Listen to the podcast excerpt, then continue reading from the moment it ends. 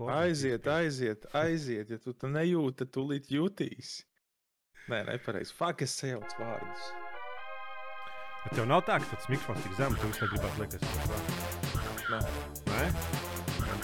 man patīk tā, lai es, es varu klaviatūru redzēt. Sveicināti komunācijā podkāstā numurs 108. Uh, cik apakaļ bija podkāsts? Oh, Nebija Fe- četri februā- gadi, tad, tad viss Fe, kārtībā. februāris. Četri gadi bija. Es jau neatceros pēdējais. Nē, nu četri, četri gadi bija tas lielais pārtraukums. Okay. Čot, kāpēc? Kāda vaina pēc četriem gadiem? Kā bēnbis ripo ko?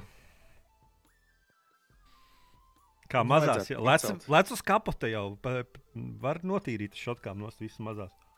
Neinteresē. es nezinu, var, varbūt ir kaut kādi sīkie, kas, kas, kas grib skrieties. Esmu ievērojis, bet varbūt tas ir vienkārši manā galvā. Tā ir Es normāli. Tu tik jau pielienu. vari skrieties trīs litrīgi. Varu, bet es arī Parādi visiem, kurš esmu- te, kurš te svarīgākais. Nē, nu, ir forši, ka uz šoseis ir vieglāk apdzīt. Nav tā. Nav tik ļoti jāpiedomā, vai es varu vai nevaru. Tur vienkārši nospiedu un, un viss notiek. Bet tā, nezinu, vienkārši mašīna. Ērta, komfortabla. Es jau diskutēju rakstīju, Pārbaudījām, aiz... ka var Mm. visas spiņu viet, lietas salikt, tur makšķers aizmugurē, telts var salikt vispār tur bez problēmām. visu niedru, Ekipējumu. lienamo ekipējumu. Jā, Kā tā vispār neticās? Ot, ot neticās, ka tev ir BMW mašīna. Ka tu esi viens Man no arī tiem. Mēs, mēs ar draugu arī runājam, ka es, es biju domājis, ka mums kādreiz būs bēnbis. Nu, es biju pieņēmis, ka iespējams mums būs bēnbis, bet es nebiju domājis, ka šāds. Es biju domājis, ka kaut kad nākotnē kāds X6, jā, kaut kas no tiem. Tie man patīk ļoti vizuāli, bet nu, šobrīd tādu nopirkt, nu, tur būtu pilnīgi, pilnīgi lamata. Cik, cik ir viņas? X6 ir kaut kāds 25? Vai ir var, var arī pas, tā kā kājienu var. Porsche nopirkt, var nopirkt pa pasāta cenu čutni. bet- Jā, jā, ka jēni par 4000, un tad tu uzreiz pirmajā jau apkopē ieliks tikpat. Nē, vispār mēs skatījāmies uz dažādām mašīnām. Nu, nebija tāds konkrēts brands, ko mēs gribam. Skatījos kaut kāds tur Volvo V50. Man liekas, tev ir V50 vai ne? Mm Mhm. Tur nevajag Volvo V50. Vai 70 vajag? -hmm. Jā, nu, Zandels, kaut ko skatījāmies. V50, V70 man kaut kā neuzrunāja. Bet, bet jā, ieraudzīšu no BMW. Mēs domājām, nu, labi, ir aizbrauksim vienkārši intereses pēc, nu, apskatīties. Nu, nebija doma pirkt, vienkārši pamēģināt, nu, vai ir, vai ir ērti sēdēt, vai ir iedzīgā stāvoklī. Jā, izbraucām līkumu un sapratu, ka ir, ir ok. Automāts beidzot kā cilvēkam. Jā. Nu, man uh, galvenais, ko es gribēju, lai ir kruīzes un kondicionieris. Pagaid, tev nebija Peugeot? Bija, bet es vienkārši gribēju, ja es, ja es mainu mašīnu, lai arī tajā ir kruīzes un lai ir kondicionieris. Un automāts tāds foršs bonusiņš. Bet, nu, Un, mūsdienās jau visām mašīnām ir kruīzes un kondicionieris. Ne? nu jā, bet tas bēnbis ir no kura 2003. Jā, vai strādāja? nu, vai kas jā, tev- arī? Kas tev ir 40, kas? Seši. 46. Okay. Jā, nu vecs. Nu. Kāds Kādu laiku varēs izrūsējuši? Nē, rūs nav tur. Nu, kaut kāda pavisam neliela burbulīša ir Uz pāris vietās, bet, bet uh, pat skatē nebija neviens, neviena atzīme par rūsu bijusi. Nu, Tā jau ir svaigs. Jā. Nu, Ko viņš no? Anglijas, es tur paskatījos, visas arī tās atskaites, tur pēc, pēc tā Kā no viņa Anglijas? numura. À, Hm? No Anglijas viņam stūra otrā pusē. taču ne? Nē, nē, nē, viņš ir pārbūvēts. Tos. Nu, es, tur, es tur papētīju, viņš pāris gadus ir Latvijā bijis papētīt to vēsturi. Nu, nu, mašīnas pirkšana taču vienmēr ir loterija. Nu. Ar to es reiķinājos, bet tāpēc mēs arī viņu pirkām tā, ar tādu rezervītu, lai, ir, lai nav tā, ka visu naudu iztērē pa mašīnu, un pēc tam, ja kaut kas notiek, tad, tad sēdi krūmos un raudi.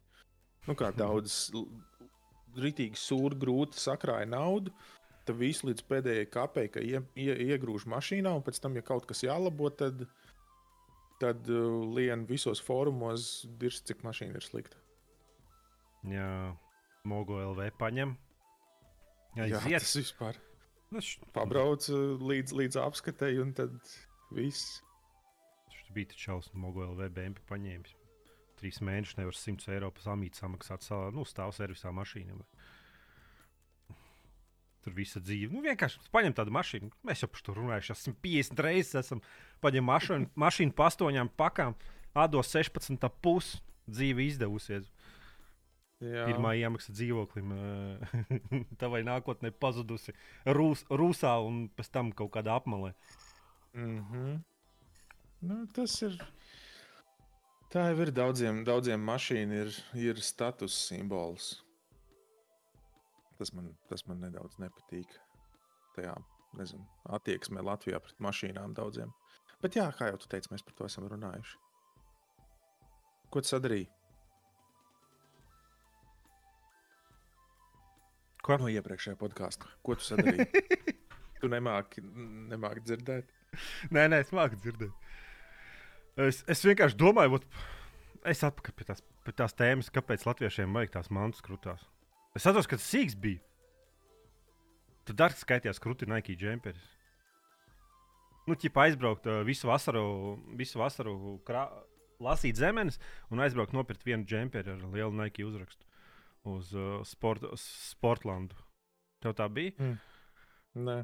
Nē, Nē, nu, es, man bija visapkārt tādi, tādi vienaudži, kam, kam tā bija, bet man bija ah, tev jau bija nu kožaki. humpals, man bija vai nu humpals vai tirgus vietējais, nu, no Ķīnas vai Polijas, kur tur Bet nāca pak, tu tā nestaigāji kaut kāds- kožakā tur. Nu, tipā viss melnās drēbēs, nē? Mm, pavisam bērnībā, nē. Nē, nu ne jau tādā bērnā, nu pusauģi gadu tur. 15, 16. Nē, Nē, nē. ah, ok, labi. Tie bija, tie bija emo laiki. Tur jau vajadzēja krāsiņas arī kaut kādas. Nagus ar nekrāsoju. Dažreiz, jā. viss, viss kaut ko vajadzēja izmēģināt. Taču viss, kas bija, Nu, kas bija krūti. Protams, ka bija krūti. Man bija tāds biks līdz ceļiem ar, ar šakumu. Ko nevarēja paskriet. Tu biji Tik reperis, jā. jā, jā, jā. Mhm. Ar, Tā ar, kā abas kājas var vienā bikšu starā Jā, ielikt. ar vēl uz biksēm bija Vultanga uzraksts un vispār. Bet es nezinu, kaut kā tu... es aizbraucu uz Angliju. Un uh, es sapratu, ka tur visiem pohuļ ir. Kāds tu izskaties, visi dzīvo vispār savā dzīvē. Un, un tad es atbraucu atpakaļ un sapratu, ka, ka man ar pohuļ. man tas vispār ne... Tad kaut kā ātri izdarīju. Dānijā līdzīgi. Tur gan viņiem ir, ā, nezinu, sabiedrībā. Es neatceros, Dāniski saucās Janteloven, kas ir būtībā no, no kaut kādas grāmatas. Tā kā nerakstīt likumu, vai grāmatā aprakstīt likumu par to, ka būtībā tev nebūs salīdzināt sevi ar citiem un, un kaut kā izlikties vai justies labākam par citiem.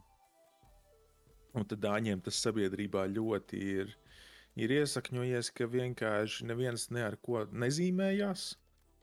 Jā, nu tur ir cilvēki, kam ir krūtis mašīnas. Nu, es, piemēram, es, es nezinu, vai es podkāstā esmu stāstījis to, ka, kad es praksē aizgāju tajā vienā uzņēmumā Dānijā. Uh, un tur pats uzņēmuma īpašnieks. Viņš uh, brauc ar kaut kādu krūto R8 vai kas tas ir, kaut kāds Audi. Jā. Jā, un uh, viņam vispār nav laiks nekam būtībā. Pat uh, pārējie tur inženieri, visiem viņiem vajag ar kaut ko ar to uzņēmumu īpašnieku runāt. Viņi tur nedēļas iepriekš uh, uztaisīja kaut kādu pierakstu, lai varētu pie viņa tikt rindā. Bet viņš atnāca pie manis, paspiest roku, parunāties, iepazīties. Un tā, ka, nu, tur ļoti daudz ir. Uh, vienkārši viss ir, viss ir vienlīdzīgi. Un tāpat arī, ja tu kaut ko gribi, nezinu, darbā, priekšniekam pateikt, nu, tev ir kaut kāds viedoklis vai ieteikums, ko vajadzētu pamainīt, tur, tur cilvēki nebaidās to teikt. Nu, tas jau ir Tā, ka normāli. kaut dar- kāds pavi, pavisam parastais robotniks aiziet pie direktora, pasakā, man liekas, ka nu, kaut ko vajadzētu konkrēti mainīt. Un, okay, jā. Protams, ir jau vietas, kur arī pasūta viņa taisni, bet ne, tas jau ir normāli darba kultūrā, ka jebkurš cilvēks uzņēmumam var ieteikt. Tāpēc jebkura ideja var būt rītīgi laba, ko neiedomāties. Nu, tāds Jā. uzlabojums. Nu, uzņēmumam tikai labums. Lielāka peļņa. Jā, tādā ziņā man patīk tas, kur es tagad tiku strādāt. Arī liekas, tāda attieksme pret lietām nedaudz atgādina Dāniju. Nu, arī tā, ka jebkura darbinieka kaut kāds ieteikums tiek ņemts vērā, un tad priekšnieks pasakā, jā, foršs, labs ieteikums, padomāsim, vai mēs to varam, vai mums tas der. Nevis tā, nē, es izdomāju šitā, un tu vari iet taisni. Ir normāli. Valdam un skaldam, vai kā tur bija. Kaut kā bija tur. Tāds teiciens. Jā. Es tev piekrītu. Es nezinu, tāpēc es, es, es tev uzticos. Es salaboju kājas par šo podkāstu. Es, jau... es tev gribēju prasīt, kas tev, kas tev bija tur kājā. Vē, es tev strīmā kaut kad prasīju. Bet... Vēn, vēnes izspiedušās bija tādas, bet nu, pārējās ir tās iekšējās vēnes. Tās ir pilnībā pakaļā, jo viņas operēt vai griezt vaļā kājas, bet man bija tipa pa virsmu tādas nu, kunkuļi. Es nezinu, nu, tas ir vecā, veciem vīriem tādas izspiežās uz vēnes ārā. Nu, ot, tad es aizbraucu uz lāzeru klīniku. Lāzeru klīnikā mm -hmm. izmantoju lāzeru tieši vienu sekundi. Uh, aiz, aiz, vēnu au- tā kā pie kājas augšpusē gūžā aiztaisīt ciet. Tad sadūrīja kājā caurumus, tur, kur tās vēnes ir. Nu, viss, viss kājas mm -hmm. ir tā kā bits nodzēlušas. Un pa tiem caurumiem ā, vēnes izvilka dzīves ārā. Un tā, ka tu guli vai ne?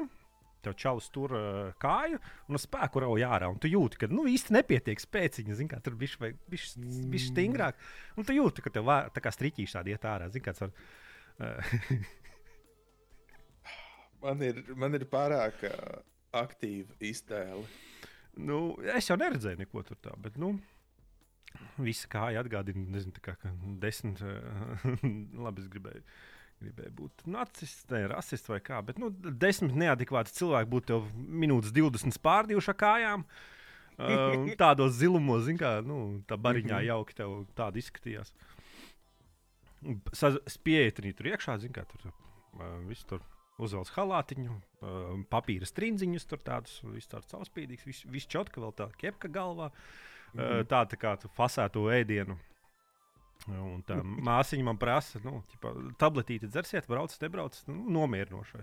Es man nepatīk tabletes dzert vispār. Nu, es, es anti esmu visas tās vakcīnas, es esmu pret vakcīnām.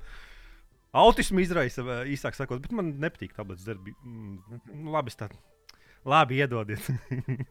Tas ir čīliņš, vispār mieras. Nezinu, kas tur otrais brauc. Nu, man abas divas kājas vajadzēja taisīt nākošajā dienā. Jau tabletīs dzers, jā, jā, davai, davai, davai. nu, tāpēc, ka, atkarība. tāpēc, ka nu, nu, preti, preti, pretīgi tu, tu kāja tur vienkārši divreiz lielāka, tev nobiņtēta. Tur asdēja ārā, asins pa džinsām tek tur ārā. Nu, īsti nav. Mm -hmm. Bet nu, izdarīts ir izdarīts. Viss kārtībā. Un Otrais man patīk, es braucu zinu, kā, ka tev sāp. Tev tādu bumbiņu iedod. Tādu parastu, parastu, Mhm. Jā, tad Skatos, skatos. vienā te- Pirmā bumbiņa normāla, otrā bumbiņa tad vecāka bija. Un tur no nagiem var redzēt, sieviešu nagiem tādas nu, iedomītas, mm -hmm. iespiestas. Pretīgi, pretīgi, bet nu, izdarīts ir. Tagad forši Nu, darbā pie stāvgalda stāvu, kājas nesāp. Man bija tā, ka man īstenībā, zin, kā tur meitenēm jātur, un kājas nesmūgs. Tur mm, man vispār sakot, rupi sakot. No, jā, bet Bet tas, jau tas kad uh, dienas beigās noguris, es nu, visas tās kājas Mhm. viņas uzkars, tur karš. Bet nu, Nu, īstenībā tagad ir labāk. Jā. ir, ir labāk. Nu, redzēs, kā tur būs. Nevar alkoholu tagad dzert jau divas nedēļas, vēl divas nedēļas jācieš. Es nezinu, kā es iz- iz- izdzīvošu, vai vienkārši smagi man ir. Tas alkohola tā nedzeršana atgādināja šo vakcināciju. Bet par, uh, par tām kājām tas man atgādināja. Man Oma, kad vēl bija dzīve, stāstīja, ka viņai kaut kad, kā jau daudziem veciem cilvēkiem, tur gūžas operēja. Un viņai tur bija uh, kaut kāda metāla, tur eņģis salikts. Un es atceros, ka viņa stāstīja, ka viņa bija daļējā narkozē. Nu, tā ka viņa bija pavisam nomodā, kad viņai to darīja. Viņa vienkārši skatījusies un klausījusies, kā, kā viens kaut kāds ķirurgs tur ar āmuriņu pa metālu sit viņai, viņai tur gūžā. Viņai esot bijis visai smieklīgs tas pasākums. Tu Vienkārši guli un tev viens kaut ko kaļ.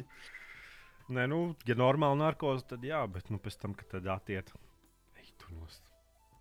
E, Man patīk, kad es braucu, man tas, kas tas pēdējais zobs ir? Gudrības zobs tur. Mm -hmm. O, Es aizbraucu uz Rīgā, ar tas sāp. Čalis, nu, nepārspīlē. Viņš šī tādu kaltu paņem. Mm -hmm. Ne narkozi. Ne. Vai, arī, vai arī kaut ko iešpricējis, neatceros. Kā ar āmuru. Bāms! nu, uz pusēm viņa. Uh, ir tie rīki interesanti. Es domāju, Nu, es man, domāju man arī to vajadzēs darīt, jo man, uh, nu jā, zobi man ir problēma, bet man aizmugurējie viņi aug uz priekšu. ka nu, Augšā izdomāja augt šādi sāniski, un aizmugurējā apakšā aug uz priekšu, un viss pārējos stumj. un Es domāju, kad es to iešu uh, beidzot risināt, tad, tad tur vienkārši pateikšu, es, es gribu vienkārši gulēt. Labi, pamodīšos, es pēc tam tur nedēļu vai piecas nīdēšu, ka visu laiku sāp, bet to pašu operāciju es gribu būt vienkārši. Bet tur uztaisīt Auto rentgenu un paskatās, var, citreiz var izraut. Rēti, bet var izraut. Pat nevajag šūt neko. Nu, ķipā, Jā, kā tās saknes tur. Es Ja pieļauju, ka man tur ir. man Viss tur slikti. Ir, viss slikti, viss ir šausmīgi. Bet tagad tu esi Nu. darbā, tev jābūt ar apdrošināšanai. Vai tev nav apdrošināšana darbā? Um, vēl nē, man šobrīd vēl tehniski ir pārbaudas. Nā, pēc pārbaudas. Skatīsimies. Skatīsimies, kas un kā. Ja mums šogad izņēma apdrošināšanu, no apdrošināšanas izņēma sportu, tāpēc, ka visi tie pasākumi Mhm. atcelt un uztaisīja simtprocentīgi zobārs. Tā kā es uh, izmantošu šo pasākumu. tāpēc, ka Es iemaņa, ka gribētu. maksā. Tur Nu, var man piķot vēl arī piķot. vajadzēs noteikti ņemt atvaļinājumu. Nu, tur ir gatavs, skaidrs, nezinu, pirmajā atvaļinājuma dienā aizies pie, pie zobārsta, un tad pārējo atvaļinājumu pavadīšu ar miglainu skatu uz dzīvi. Nē, bet uh, Sazāļots. tā skaitās operācija. Tas nav pie zobārsta apmeklējums vairāk. Tā kā tev Jā. rautos visus, uh, tā skaitās arī tik operācija. Jā, Tu nost. jā, bet par to alkoholu. Tu, tu jau neesi vakcinēts, cik es sapratu. Jā, tu Esmu pret vakcīnas. Vēlreiz, visi, kas vakcinējušies, ir, ir slikti cilvēki. Nu, tad es esmu slikts cilvēks. Man pēc sešām dienām būs, būs tas update. Man čipi ielaidi jau tagad, jāgaida, kad būs tas update. Un uh, interesanti, ka es uh, vakcinējos, un pēc dažām dienām tajā pašā vietā aizvedu draugu arī. Un man tā, kā tur ir, tur pieregistrēt tev pie viena cilvēka, tad tu aizēji pie kaut kādas doktoras, viņi tev izstāsta visu. Un tad pie trešā cilvēka tev pašu to čipu ielaiž. Un tā doktora man tur stāsta, jā, tur pēc vakcīnas visu var darīt to pašu, ko ikdienā, iet pirtī, dejot, dzert. Nu, jā, es noteikti dejoju un eju pirtī ikdienā. Un man viņa teica, jā, alkoholu var lietot, viss ok. Es nodomāju pie sevis mm, aizdomīgi, bet nu labi ir. Un pēc tam, kad draudzene aizved, viņai teica, nē, dzert nedrīkst, trīs, trīs dienas nedrīkst alkoholu lietot. Un tad es tā domāju, nu, what the fuck? Kāpēc tāda atšķirīga lieta? Un man draudzene iedeva konfektu, un man neiedeva. Tu saproti? Svoloči. Nē, nu, varbūt viņi ieraudzīja tāds normāls mūžiks, ienāca, ko tev konfekti dod. Nu, kā. Jā, bet tā ir bezmaksas konfekta. Ah, un vēl kas bija, viņi, zin kā tev tur ir jāsēž tās 15 minūtes pēc, pēc vakcīnas. Un es biju kaut kad, uh, nu, pieraksts man bija 6,42 laikam. Un tur Jālgavā laikam tā vieta taisās ciet septiņos. Un kamēr es izēju, man tur nočipo, es apsēžos, tur jāgaida tās 15 minūtes, kaut kādas, nezinu, septiņas pagājušas. Pienāk kaut kāda dāma. Nu, jā, jūs jau te esat pietiekoši ilgi sēdējis. Izskatās, ka jums viss kārtībā. Tad jau varat doties prom. Viss izdara ārā. Viss. Nekādas 15 minūtes, nekas. Ja tev tur sākās kaut kādas problēmas, tad tu vairs neesi viņa problēma. Nē, nu vajag, vajag. Man, man drusku teica, ka viņam iepotēja. Nu, nekad, nu, nekas slikti nebija, bet eh, pēc piecām minūtēm palika pa galva norēpa kaut kas tāds uz to mirkli. Bet tas varbūt kaut uz to stresu, zin, kā cilvēks salas Delfa komentāru. Varētu būt, jā. Domā, ka nu būs tur, nezinu, kaut arī ikdienā potējies, nezinu, brauc uz citām valstīm, tur visu laiku vis kaut kas jāpotējās, lai vispār valstī varētu iebraukt. Cilvēki mm. -hmm. visu laiku potējās, nu, vispār niečam tas ir. Bet, nu, jā. ja man nedos to krievu poti, kā viņi tur spuķņiks ir, tad, Sputniks. tad, es, tad es ne. Man Tu Amerikā jau tagad. Gatesa liekas, nevajag varēsi- izvēlēties varēs. Jā, tu varēsi izvēlēties arī to Johnsonu, kas ir vienreiz. vai tas ir Johnson? Nē, nē, nē, Johnsonu. Johnson Tagad, man liekas, izvēlēties varēs. Man šķiet, kaut kur es lasīju. Nu, jā, man bija, man bija Pfizer, un, un draudzenei arī. Par to es esmu no daudziem cilvēkiem dzirdējis, ka tur pēc otrās reizes esot visādi. Ir mm. -hmm. cilvēki, kam nekas, man tur mammas darba kolēģi. Viņai uh, Kaut kā pēc pirmās pilnīgi nekas, pēc otrās no sākuma arī nekas, bet pa nakti pamodusies un sākus jau pārdomāt savu dzīvi un domājis, kāpēc testamentu neuzrakstīja, ka viņai licies, ka nu viss, nu gals klāt ir, ir pienākusi viņas pēdējā stunda. No rīta pamodusies, viss kārtībā. Nu, cilvēki kā. asociējušies ar tiem delfu komentāriem, visiem šiem idiotiem Facebookos un visu. Jā, Tas tā kā es nezinu, mēs bez ārsta izglītības tagad apspriest sēdētu. Kaut ko par medicīnisko sfēru. Nu, nu, pilnīgākie tuneļi. Protams, ka tāds vecs cilvēks, kas bija šī ietekmīgāks, kas no tā visa, ķipā, es redzu internetā, tas nozīmē, ka tā ir taisnība. Nu, jā.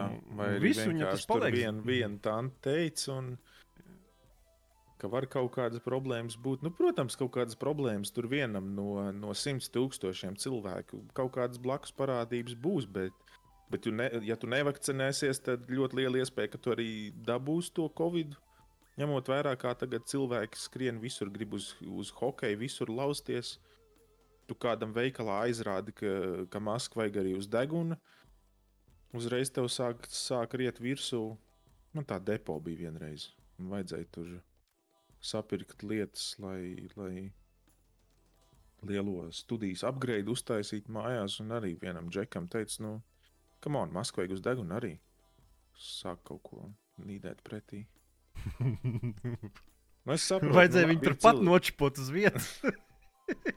Ir cilvēki, jā, nu, pat, pat ja tu esi nezinu, vakcinēts vai izslimojis un tā tālāk, tu jau tik un tā vari aplipināt citus. Un, un vienkārši arī tas, kādu, kādu piemēru tu rādi citiem. Jā. Es nezinu, nu, Egoisti vienkārši. To sauc par egoismu. Tas arī viss. nav, man- nav, nav acīm redzot, viņiem nav neviens, nezinu, tuvinieks, nav, nav palicis tagad ar, ar ilgtermiņa blakus parādībām vai vispār. Es zinu, ka kaut kādiem dažiem draudzes biedriem ir, ir bijusi saskarsme ar to visu. Bet, jā. Es nezinu, es, es velku masku, dezinficēju Vēl jau ir rokas. šie reliģiskie cilvēki, kas, nu, reliģiskie, tas tā kā, nu, kas ir draudzēs visādās, kuras aizliedz potēties. Jā, Tā kā vispār viņi arī Visādi ne, ir. nedrīkst ar potēt, potētajiem cilvēkiem tikties vairs arī. Vienā istabā atrasties. forši. Es nestāstīšu, kāpēc tas zinu. Esi vēl kādā draudzē bez ocē. nē, nē, tas Es nezinu, pārāk, es- tas es pārāk varētu- privāti. Šo tēmu es neturpināšu. Es varētu teikt, ko es, ko es domāju par tādiem cilvēkiem. Bet no savā ziņā daudz jau no tiem, kas ir tajās īpašajās draudzēs, un, un pat es domāju, daudzas no viņām varētu saukt par sektām, nu, ka viņi jau ir vienkārši viegli ietekmējami. Tāpat kā tu teici, tie vecie cilvēki vai, vai kādi, kas vienkārši tic visam, kas internetā izlasāms. Nu, vienkārši viņi ir ievilināti tur. Tā kā nevar īsti, īsti vainot, vainot tos, bet nu, tos, kas tādās draudzēs un sektās korģē tās lietas, nu, tos tie gan varētu aiziet kādā šķūnī ar covid vai vienalga, ko turpat arī palikt. Nu, nu, sorry. nu, es uzskatu, ka no tādiem cilvēkiem sabiedrībai nav nekāds pienesums. Ir, ir, ir tikai slikts. Nē, nu, es pa visiem šiem sektantiem, visiem, pa, kamēr viņi netraucē citiem. Bet tā kā tur pēdējais bija Jālgavā, kad uh, kas tur bija, tur uh, sieviete dzemdē, viņai tas draudzes galvenais aizliedza braukt uz slimnīcu, un tur Jā, jā, jā. viss tur nu, nomira. Dievam, par tādu čērņu vienkārši cietumā, bet tur bez variantiem. Bet. 25 jā. gadi, bet par visiem pantiem, bet par, slā, par nu, kā tur ir slepkavība ar iepriekšēju nodomu, kaut kā tam līdzīga. Jā, pilnu programmu vienkārši. jā. Nu, kas vēl mums tāds labs noticis? Ah, mums uh, Twitchā ir uh, Bafrums streams. Streami tagad Nē, populāri. Mēs par to nē. runāsim. Baseini, pludmales un kas vēl bija? Neatceros, bija trīs lietas tajā kategorijā. Nu, jā, nu es, es nezinu. Man, es gribēju arī OC tur Discordā rakstīt, ka nu, Džeki bišķi par daudz pievērš tam uzmanību. Nu, nu, tā tas ir. Nu, tāda sadaļa vienkārši ir. Nu, negribu neskaties. Bet gribās. Nu, viss, nu, Nu, ja gribās, nu, ej skaties. Nevis, nevis ej skaties, ugh, jā, cīskas, mmm, krūsturis, wow, nu, bikini, tur topiņš, wow. Bet ieej čatā uzreiz raksta, o, tas tik stulbi. Bet pats lielām acīm skaties. Nu, es nezinu, nu, Uz projektoru mājās. kas, kas tur tā vadošā, vadošā bet tā amoranta. Nu, es, es kaut kad es skatījos draugs streamu un vienkārši rādījās ieteikt amurantu. Un es vienkārši nezinu, kāpēc, intereses pēc atvērt. Nu, kas jā, jā. un ieraudzīju, ka jā, viņi tur basēnā tusē. Nu, jā, nu. Es nezinu, es viņu neuzskatu par pievilcīgu, bet tas ir gaumas jautājums. Un, un pats arī vienkārši skatīties, tur, kā viņi tur plunčājās un, un nezinu, maksāt tur nenormālo naudu, lai viņi ar marķieru uzrakst. Man nika uz rokas, nu, es personīgi to nedarītu, bet es saprotu, kāpēc, kāpēc ir cilvēki, kas to dara. Es pat lasīju kaut kad rakstu par to, bija pētījums par to, kā, kā veidojās un kas vispār tas ir. Kaut kāds ne.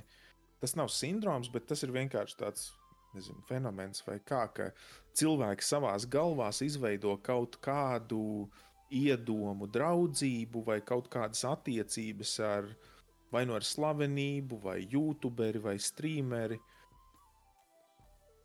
Nu, tā kā, piemēram, senāk, kad uh, Twitch nebija tik populārs, un tā tad, nezinu, tur uh, kāda sieviete vai vīrietis, vienalga, satiek uh, Brad Pitu pēc kaut kādas filmas prezentācijas vai kur, un, nezinu, paspiež roku, parunā trīs vārdus, un, nezinu, Brad Pits viņai vai viņam uzsmaida. Un viss, un kaut kādiem cilvēkiem galvā aiziet, uh, sāk rasties kaut kādas, nezinu, kaut kādas fantāzijas vai iedomu, nezinu, kad, oh, jā, es viņam patiku, viņš ļoti gribētu, varbūt ar mani vēl kādreiz, nezinu, parunāt vai ko, un uzreiz, nu, nu ir dažiem cilvēkiem tā, tā notiek, un es domāju, tas pats ir arī ar tiem, kas, kas tādām streamerēm tur skaita lielo piķi, lai tik dabūtu, nezinu, baseinā bumbiņu ar savu niku vai ko. Nu, Pirmais jau tas, jau ka bija. Twitch auditorija kāda ir? Cik, cik Nu. procenti ir uh, vīrieši? 90? Es, es negribu samulēt, es nezinu, es nezinu, bet tur otrs ir tas, ka um, vecuma grupa noteikti arī ir atbilstošā, kuriem testosterons un uh, labprāt uzliktu visam, kas kustās un arī nekustās. Kuprī. Nu, es zinu, ka tur daudz, ir, daudz runā par to, ah, tur bērns skatās Twitch un viss. Nu, tāpat laikā, nu, sorry, nu, tu bērnu ie, ieliks kastē, neļaus viņam iet pavasarī laukā. Nu, tā, tie, kas uzskata, jā, tur bērni, nezinu, mazgadīgi bērni ieskatīsies, kā viņi tur plunčājās. Nu, tu, fakt, nu, tu nezini, ar bērnu neļaus vasarā iet uz, uz jūrmālu. Nu, tā, nu, tur, man liekas, man liekas par to nīdēt nav, nav, tas nav pamatoti. Tur vienkārši cilvēkiem, nezinu, vecākiem ir jādara, jādara savs darbs. Tieši tā. Jo es, es uzskatu, ka tā, tā amoranta un citas, citas tās streameris, kas to dara, viņas nedara neko nepareizi. Viņas pelna pamatīgi pīķi, un es nezinu, ja es to varētu, kāpēc gan ne? Nu tā, ja tā Bet tu padomā, pamēģini. Mēs Viņu, visi- viņu vienu mēnešu laikā nopelna vairāk nekā es. Uh, es nes, jau nezinu, cik viņi nopelna, bet es pieļauju, viņi nopelna vairāk nekā es vairākos gados savā profesijā. Un viņai nav jābrauc uz kaut, kādām, uz kaut kādām rūpnīcām, lamāties par to, ka kāds tur nepareizi vadus savilcis vai nav viss sensors uzstādījis. Viņai nekas nav, nav jādara no tā. Nu, protams, viņai noteikti ir daudz. Uh, tas ir emocionāli nogurdinoši, psiholoģiski nogurdinoši. Strīmošana ir. Mums var, mums var būt vēl tā, mēs jau tādi hobijisti, bet Tāpēc es pārgāju uz trīs stundām. Vairāk par trīs stundām. uh, Nu, tāpat kā es spēlēju video spēles, apsēžu uz sesiju trīs stundas. Varētu būt. Nu, vēl jau arī tas, ka mēs esam, uh, mēs esam vīrieši. Vēl joprojām ir ļoti, ļoti izteikti tā problēma, ka uh, nesen, es nezinu, PC gamer vai kur bija uh, ielikuši rakstu par to, ka cik tur procenti, 54 vai cik procenti meiteņu un sieviešu neatklāja savu dzimumu spēlēs. Tāpēc, ka viņš vienkārši saskarsies uzreiz ar, ar, ar dažādām preteklībām no, no vīriešiem spēlēs. Un uh, līdzīgi tas ir arī ar, arī ar Twitch. Nu, ir cilvēki stulbi. Nu, tiešām daļa, daļa tie, kas ir attiecīgajā vecumā, ka viņi uzliks jebkam virsū pie pirmās iespējas. Un, un vēl joprojām ir daudz arī, kas vienkārši, kam ir ļoti šaurs skatījums uz dzīvi un uz, un uz atšķirīgiem dzimumiem un tādām lietām. Jā, mums es, bet es, tas es jau nāk domāju, no ģimenes. Es nezinu, man liekas, tas no PSRS laikiem nāk. Nu, nezinu, ja sieviete garažā nelaidīs. Nu, šie visi varianti. Nu, tas pats. Nu. Tas jau nav, nav tikai nu, mūsu, mūsu pasaules daļā, tas ir Jā. visā pasaulē. Nu, es, uh, es vienkārši ļoti labi zinu, kā tas ir, kā, kā strīmošana ietekmē vīriešus un kā, tā, uh, kā strīmošana ietekmē sievietes. Nu, tā, ka tu strīmo un, un visu laiku ir jādīlo ar kaut kādiem, nezinu, cilvēkiem, kurus tu gribētu vienkārši. Es jau esmu iepriekš runājis par to, ka es gribētu vienu superspēju, lai var caur, caur monitoru. Jo ļoti daudz, cil, ļoti daudz cilvēku, kaut arī es vienkārši paskatos čatu, pasakoju līdz čatam vairākās stundās, ka ir cilvēki, kas ļoti eh, turās uz tās robežas, kur it kā vēl ir ok, bet nu pavisam nedaudz pietrūkt, lai tu, lai tu gribētu viņu vienkārši kā es nostāju ar nu, biksu pamuti. Nu, Tādā ziņā, Nu, jā, tā. čat, čatā es jau uzreiz savā streamā pateicu, ka kaut kāda huīņa uzrakstīs, bans būs. Vienalga. Tas var, tas var būt pat Vito, tas pat būtu Elvis. Tas būtu vienalga, kas, bet kaut kāda vienkārši bans un viss. Tāpēc, ka, ja tu ielaidi to negativitāti iekšā kaut kādā, zini, kas mm -hmm. tas Mhm. sākās, nu, tad viss tas ir. ā, Tas ir uz palikšanu, un tad pārējie domā, ar tā var. Un tad, um, un tad tu redzi, Jā. ka citi strīmo un uh, vienkārši nav apmierināti ar čatu. Bet nu, katram savs ir. Man jau maziņš. Varbūt, ja būtu vairāk cilvēku uh, skatītos, tad uh, būtu pilnīgi tādas pašas problēmas. Vēl jau tas arī, vai tev tas ir hobijs, vai tev tas ir galvenais ienākuma avots. Tas man ir. Uh, Ja es tikai domāju par naudu. Viņš zina, man Nē, nē, bet reāli, ja tev, ja tev būtu tikai streams, no kā tev ienāk nauda, ja tev nebūtu pilnlaika darbs, tad uzreiz ir cita, cita attieksme. Tev uzreiz ir vairāk jāpiedomā par to, cik daudz tu ļauj. Tu, tu, tu, vairāk ļautu eh, skatītājiem un čatotājiem brīvāku vaļu. Jo es šobrīd arī, nu, man, man es strīmoju vai es taisu video, es to daru tā, kā man patīk. Nu, protams, ieklausoties arī, arī, arī komentāros, bet, ja, ja man nepatīk ka kaut kas, ko kāds pas, pasakā, es uzreiz varu viņu pasūtīt taisni.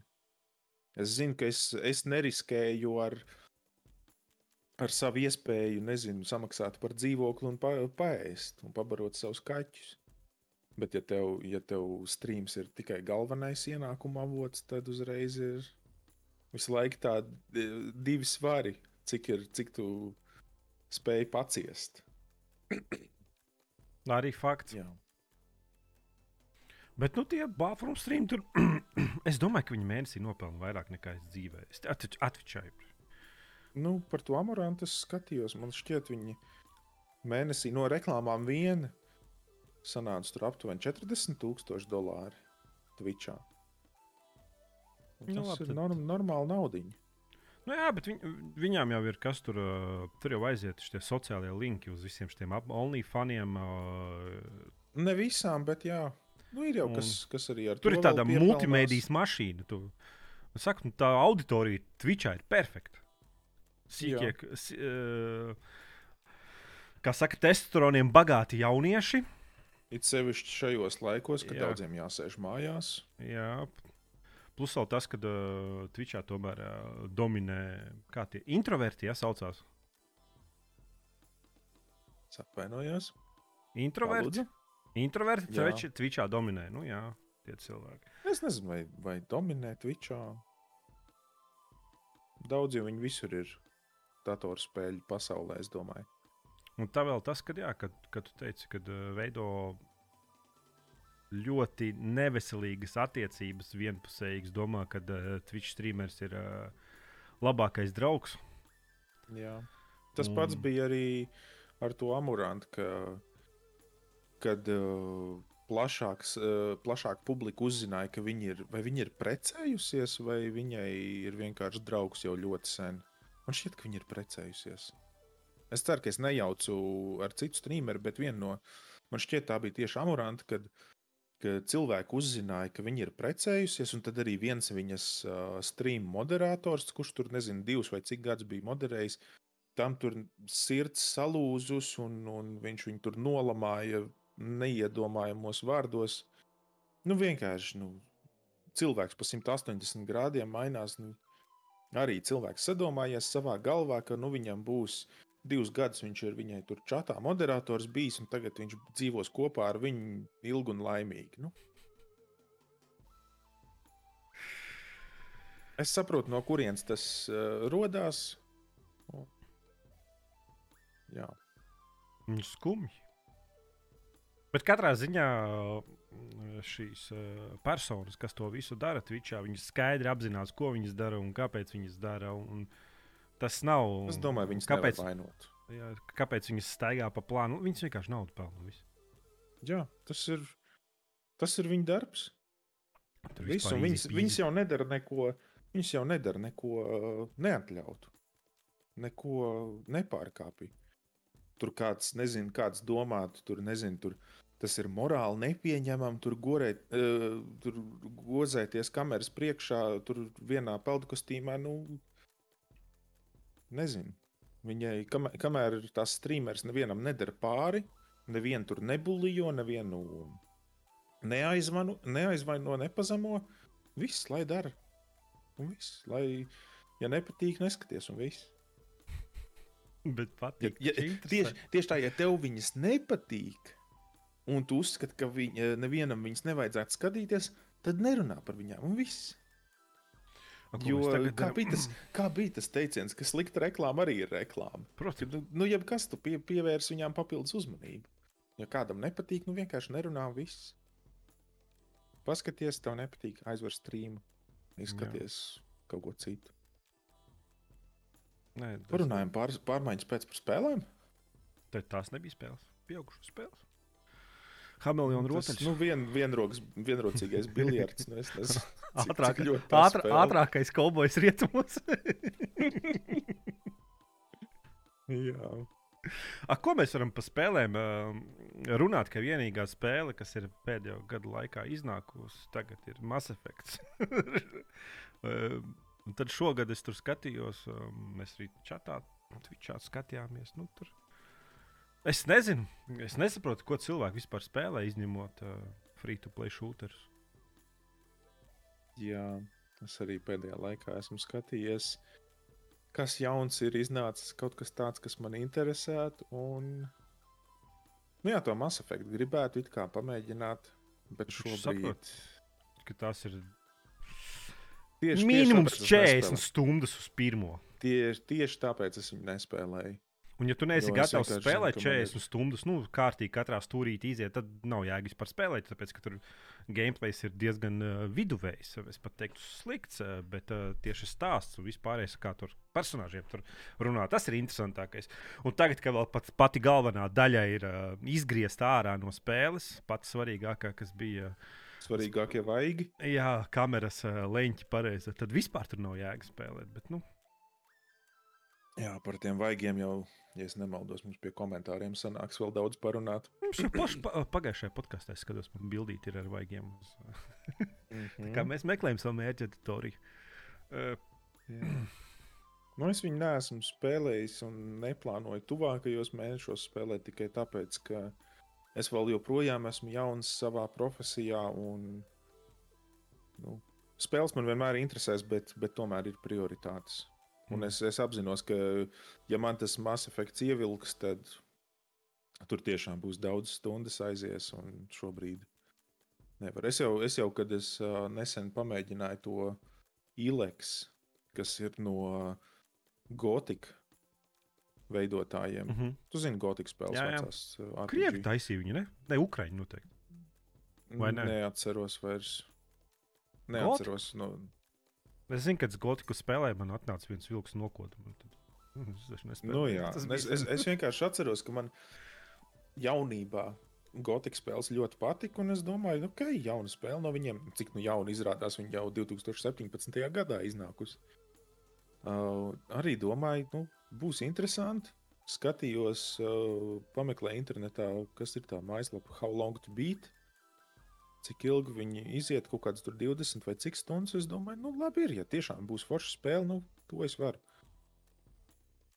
Es nezinu, es viņu cik 4 stundas esmu paspēlējis, un baigā kaka. Gribēju, ka tu esi grib... vecāks. Ir. Varbūt, standarti? es nezinu, es esmu baigi kritisks, varbūt palicis pēdējā laikā. Jo it kā palasot tur komentārus vai, vai Steam reviews, tur rakstīts, oh, jā, spēle tur uh, pusē paliek labāk un tā tālāk. Un es, es gribēju taisīt apskatu, paspēt līdz, lai, lai rīt būtu, pirmdien būtu skatāms, bet nesanāks. Bet, nu, īsumā es uzskatu, ka spēlei vienalga, cik spēle ir laba, cik spēle kļūst eh, laba pēc nezinu, puses. Nu, tā kā puses izgājis, un tad viņa kļūst baigta laba. Tas nav svarīgi, cik viņa labi ir pēc tam. Spēlē ir jābūt interesantai jau pašā sākumā. Jo citādāk, nu, ko tu desmit stundas vienkārši plēsīs matus no galvas, spēlēt kaut kādu mēslu tikai tāpēc, ka citi teica, ka, oh, jā, pēc puses, pēc tam desmit stundām spēle paliek interesanta. Nu, tas nu, jā, bet tādā mērķī, tie, kas nezina, Gotika, tas bija tā kā, man liekas, tā kā Skyrims, tikai nu, bijis savādāks, vai ne? Jā. Varētu salīdzināt viņu kā Skyrim. Un man liekas, Gotika bija tas, ka viņas, viņās bija viss pieejams jau no sākuma. Ja, Taču tā kā Skyrims. Vai... Jā. jā, bet Skyrimā jau pretinieki. Tur bija tas dinamiskais līmenis. Jā. jā, Bet gotika, es nezinu, vai tieši gotika, bet arī no tiem pašiem izstrādātājiem līdzīgā stilā bija Rizena. Un tur bija tas, ka tu vari pašā sākumā aiziet jebkur gandrīz, un jau pirmajās, nezinu, desmit minūtēs tu vari satikt pretinieku, kas ir tur, nezinu, 80 līmeņus augstāks par tevi, un kurš vienkārši ar vienu knipi tevi novāc. Un līdzīgi tas ir tajā ileks. Bet tā jau nav Tā jau nav slikta lieta, tā ir vienkārši spēles īpatnība. Nē, nu kā, tas, tas, tas ir normāli. Es tieši uzskatu, ka šie dinamiskie līmeņi vispār liekas kaut kāds pilnīgākais bezsakars. Kāds tev jēga tur vispār levelu kačāt? Nu, ķipa, nu jā. Priekš kam? Kāds sakars vispār? Nu jā, tas tādās, ir forši. Kur, var, kur, kur nav tas dinamiskais līmenis, tās man šķiet ir uh, īstākas, patiesākas open world. Tā kā atvērtā pasaule, ka viss ir, visa pasaule ir paliek tajā vienā līmenī. Grūtības līmenis visiem monstriem ir viens, nu, nemainīgs. Tas, kas ir pirmajā spēles stundā, 8. Līme, 80. Eh, līmeņa monstrs, tas arī pēc 50 stundām būs tā paša līmeņa monstrs. Un tas, man liekas, ir tāds patiesāks. Ja, bet nevar. Patiesāk atvērtās pasaules spēle. Mūsdienu spēlētājs aizies un nomirst. Nu. Ja viņš iegāja mežiņā, ķipa, nu, jā, eksplorēja tas... un nom, nomira. Viņu atskrēja vilciņš nokoda. Un nebija jā, uzraksta, vajag... ka tur vēl nedrīkst iet, un nebija siena priekšā uzmūrēta. Tur kaut kāda vārda. Metakritikā sūdzēties un Steam visām vienu izstrādātāju spēlēm rakstīt klāt, ka viņi vispār neko nemāca. Es pat nezinu, mūsdienās kā var uztaisīt RPG spēli, lai tas sākums būtu ātrs un dinamisks. Man liekas, tas nav iespējams. Ja tu nespēlē kaut kādu diablo, vajag, vajag iepazī, iepazīstināt spēlētājus vienmēr ar ar mehānikām, ar, ar Jā. kontrolēm. It sevišķi tagad, šajos laikos, kad, kad ir vien vairāk jauni cilvēki, kas nav iepriekš ar spēlēm darbojušies. Jo es domāju, tādi kā mēs, vai, vai citi pieredzējuši gameri, tu ieej jaunā spēlē, tu jau intuitīvi jūti, ka tu, tu zini, kas tev būs jāspiež, kas tev aptuveni jādara, kur jāiet. Vai, nu, nezinu, kā tur pār, pārlikt kaut kādam šķērslim, viss. Tu jau to zini, bet ja kāds viņam pirmā spēle ir. Viņa, e, tādiem cilvēkiem vajag parādīt, kā, kā kontrolēt to personāžu un vajag to lēno ievadu. Jā, nu, tur jau var būt jauns. Jauns puika, 14 gadu nopircis spēli. Pirmo reizi viņš pār RPG nav redzējis. Izņemot Fortnite dancojas uh, ar klases biedriem TikTokā, un tu viņam pēkšņi iedod RPG spēli. Jā. Bet tāds arī tāds nespēlēs. Viņš tur būs uz ekrāna, būs uh, trīs rindiņas ar tekstu. Tas, tas jau būs nepārvarama barjera jau priekš viņa pa, pa lielam. Bet tik un tā jau uztaisa interesantus personāžus un, un tos tekstus tā ja tie teksti ir labi izveidoti, tad es domāju, var noturēt. Vairumu spēlētāju uzmanību ir iespējams noturēt, bet ir spēles, kur vienkārši tas nav. Kur tu staigā apkārt. Nu es to, to īleks spēlējot, man bija tā, ka es staigāju apkārt un visu laiku es kaut kur zemapziņā zinu, ka to ir izstrādājuši cilvēki, kas ir iepriekš veidojuši nu, pasaulē plaši zināmas spēles. Ka tur jābūt labam kaut kam, ir, bet pēc vairākām stundām man visu laiku bija tā sajūta, nu, kur ir, kur ir tas labais. Balsts aktieri ir vienkārši. Es nezinu, vai nu bijuši slinki, vai viņiem nav pietiekoši daudz samaksāts. Animācija dizaineri ir arī slinkojuši. Nu, viss slikti. Jā. Nē, nu, man ar RPG spēlēm ir tas, ka problēma tas ievads ir. Ak, Dievs, bija skaista pasaule, un tad atlidoja liels melns vīrs, kurš visu ļaunumu, un tagad tev viņš jāiet uzvarēt, un katru reizi šis te variants. Vai... Bija, bija kristāls, kas sargāja pasauli, viņš sašķīda, tagad tev ir jāatrod četras kristāla daļas. Un, uh, just... Pi... Es, Nu, jā. nevaru, es, es vairs nevaru šito. Es kā redzu šito, jo es, dieva dēļ mums rakstnieku trūks normāli, kas nevar kaut ko nu, bišķi interesantāk izdomāt. Ne, nu te, tas man ļoti atgādināja to pašu Ileks, jo tur bija arī bija skaista pasaule, kurā ietriecās komēta. Daudz ko iznīcināja, bet tā komēta atnesa kaut kādus tur kristālus, kas dod cilvēkiem tur beigās spējas un tā tālāk. Un tad tiek iepazīstināts, uh, parādīts galvenais varonis, kas ir nosūtīts kaut kādā misijā, bet nav teikts, kas tā par misiju vai ko viņš tur dara. Kaut kas notriec viņa kosmosa kuģi, atnāk kaut kāda viņa čoma, pasakā, ka viņš ir izgāzies, viņš nav izpildījis savu misiju un nošauj viņu.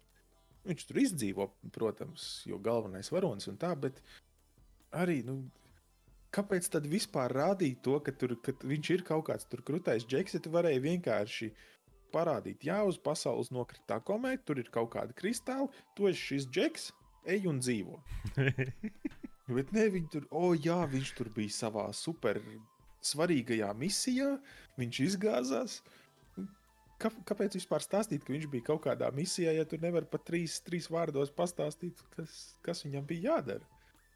Nav, nav nekāda intriga vispār tam spēlēm. Saku. Tādā ziņā man patīk, man patīk stalkerim, ka tu, nu, tu tur esi ķipa dzīvo. Un mm. -hmm. uh, beigās ir pilnīgi vispār kaut kas cits. Tur visu laiku stāsta, ka tu kļūsi laimīgs, naudu dabūsi un viss. Tev tikai jātiek līdz tai Černobiļai. Tur tāds mērķis, Jā. bet visu laiku apkārt ir pilnīgākā nu, nezināšana. Jā, Un tad, jā, tad ir savāds kristāls sašķīdējis, salas viņu kopā. Lūdzu. Ap, apkopējis. jā. Uh, vēl es. Nē, nevis vēl, vēl spēlē Resident Evil 8. Jā, 8. The Village. The Jā. Village. Resident Evil. Viņam nevar to uh, skatu leņķi mainīt. Var, bet es nemainīju, tāpēc kā bailīgāk ir. Va- Var, Jā. man liekas, Nu, to es- 70. To, to es sapratu, jā, ka vienkārši tur redz šaurākā leņķī, tad vieglāk ir tev pārsteigt no kaut kādiem sāniem. Bet man vienkārši grūti tavus streams tagad skatīties, tāpēc ka es nevaru izturēt to šauro skatu leņķi. Man arī sākumā li- nu, tas tāds rīzīgs konsolistu variants ir īstenībā 70 grādi. Tas ir domāts, ka Mm. tu sēdi tālu no televizora vienkārši. Bet, uh, Nu, jā. bet es nemainīju, tāpēc, ka, nu, ķipa varētu uzlikt, bet man patīk tā atmosfēra un vispārējais. Un... Nē, es, es, es, Bailīgi. es to pilnībā arī saprotu, ka noteikti nav pārāk daudz tādu kā es, kam vienkārši nu, nu, tiešām ir grūti skatīties. Noteikti daudz ir tādu, kas vienkārši pieraduši pie platāka skatu leņķa, bet viņiem tāds, nu, ok, es varu skatīties. Bet man vienkārši ir, es nezinu, paliek neērti tāda stulba sajūta, ka es, ja es skatos uz to, kas spēlē notiek. Jā. Jo es parasti, kad es vakaros, kad es atveru tavu streamu, tu, kad tu spēlē tagad to Resident Evil, es vienkārši skatos uz to, kur tev kamera un īpaši neskatos, kas spēlē notiek. Jo, jo vienkārši tas nav tas uh, motion sickness, bet vienkārši tā dīvaina sajūta paliek. Liekas, ka, nezinu, man tā kā zirgam ir uzliktas tās uh, klapes uz acīm. Nu, ja tas būtu kaut kāds Call of Duty, tad tas noteikti ir tas pirmais, ko es ieeju settingos. Bet tā kā Jā. tā spēle tomēr ir atmosfēra. Nu, nu, es uzreiz pamanīju, jā, bet es, es nemainīju. Pamēģināju, paspēlēju. Jā, aiziet izspēlēt. Nu, Nu, jā. Katrā ziņā spēle ir, laikam, varētu būt šogad Game of the Year. Es nezinu, kaut kas cits normāls iznāk šogad vispār. Nezinu. tāds, nu, ķipa ir kaut kas tur iznāk, mēs tur, tur streamā skatījāmies. Bet tas ir pipets vienkārši. Kaut kāds spēlējums. Katrā ziņā Resident Evil ir tik forša spēle, Just Bite. Um, psiholoģisks thrillers. Uh, jāspēlē obligāti uz hardcore, tāpēc ka, ja spēle sākumā bija ļoti priekš manīm grūta, tad tā, tagad man ir sajūta, ka esmu Rainbow. Man vēl tik granāta, ah, man ir granātmetējs. Man tikai te gribēja teikt, ka man granātmetējs nepietrūkst. Ir tāds tā kā Arnoldam Švarcveigam ar četriem caurumiem. Tāds. Mm -hmm. Es vienkārši pļauju visu nos uz, uz hardcore. Vispār nekāda problēma nav. Uh, mm -hmm. es, ne, es nevaru iedomāties, kas būtu, ja spēlētu uz normālu. Bet nu, sākums bija rītīgi grūts. Bet, ja spēlētu tagad uz normālu, tad man liekas, nezinu, tur staigāt nu, tāds puķu dārsts un zombiju. Tad tā, tā, ar rociņu viss viņus tur tā sit malā. Tad jau var spēlēt vienkārši stāsta dēļ. Nē, Ne nē. jau grūtības. Viņš tādu piķi maksā tās spēles, bet nevar tā tērēt laiku. Man vajag dabūt Jā. visu, visu, visu ko, kaut kādu challenge. Bet, nu, prieks vismaz būs. Būs izspēlēts, man spēle patīk. Uh, tur ir, protams, arī skaista dāma, kas, kas visu interesē. Bet viņa, man liekas, ka viņa būs galvenais varonis spēlē. Mm -hmm. Ah, bet es jau Es- tagad, es tagad spoileru teritorijā, teritorijā lienu laikam. Jā. Nē, Es nu pat nezinu, jau- ko pastāstīt. Nu, ej, šauj, taisi vaļā durtiņas, vāc atslēdziņas, vāc visādus kloķīšus, podziņus, visādus bāžamos rīkus, lai taisītu durtiņas, pēc no resnīšu ieročus. un Tas arī viss spēlē ļoti labi. Just bait vienkārši tagad. Tagad ej un nopērc. Mhm. Tad saproti, ka tev nepatīk Resident Evil žanrs, un tev nepatīk šausmu spēles, un tu izmetis 40 eiro. Viņus konsoles spēlē vai Nē, ne uz PC, uz datoru? uz datoru. Mm. Uz konsoles. Nevar jau nopirkt konsoli. Es tev jāatgādina tā tēma. Jau var nopirkt ne Playstation, ir jau arī cita konsole. Uh, nav jau jēga tagad. Tagad viss Xbox spēles PC būs. Ja tev datora nav, pat, uh, pat, pat tagad ir tā, ka, es, cik sapratu, tur to browseru Xboxam uztaisīja jaunā ziņas bija. Internet, pilni interneta pārlūku, tā ka tu vari iet un uh, caur Chrome šo te mm, Google Stadia spēlēt caur Xbox pilnīgi. Nu, tāpēc, ka tur ir pilnvērtīgs pārlūks. Pieslēdz klaviatūru, peli un lieto kā datoru. Nu, Chrome, Chromebook sanāk, jo tev interneta pārlūks tikai pieejams.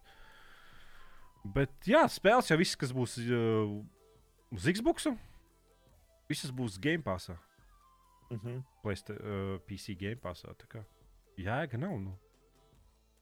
Cik es saprotu, ka Xbox kā tāds vairs īsti neskaitās svarīgs. Vairāk ir Xbox Game Pass svarīgs palicis. Mm.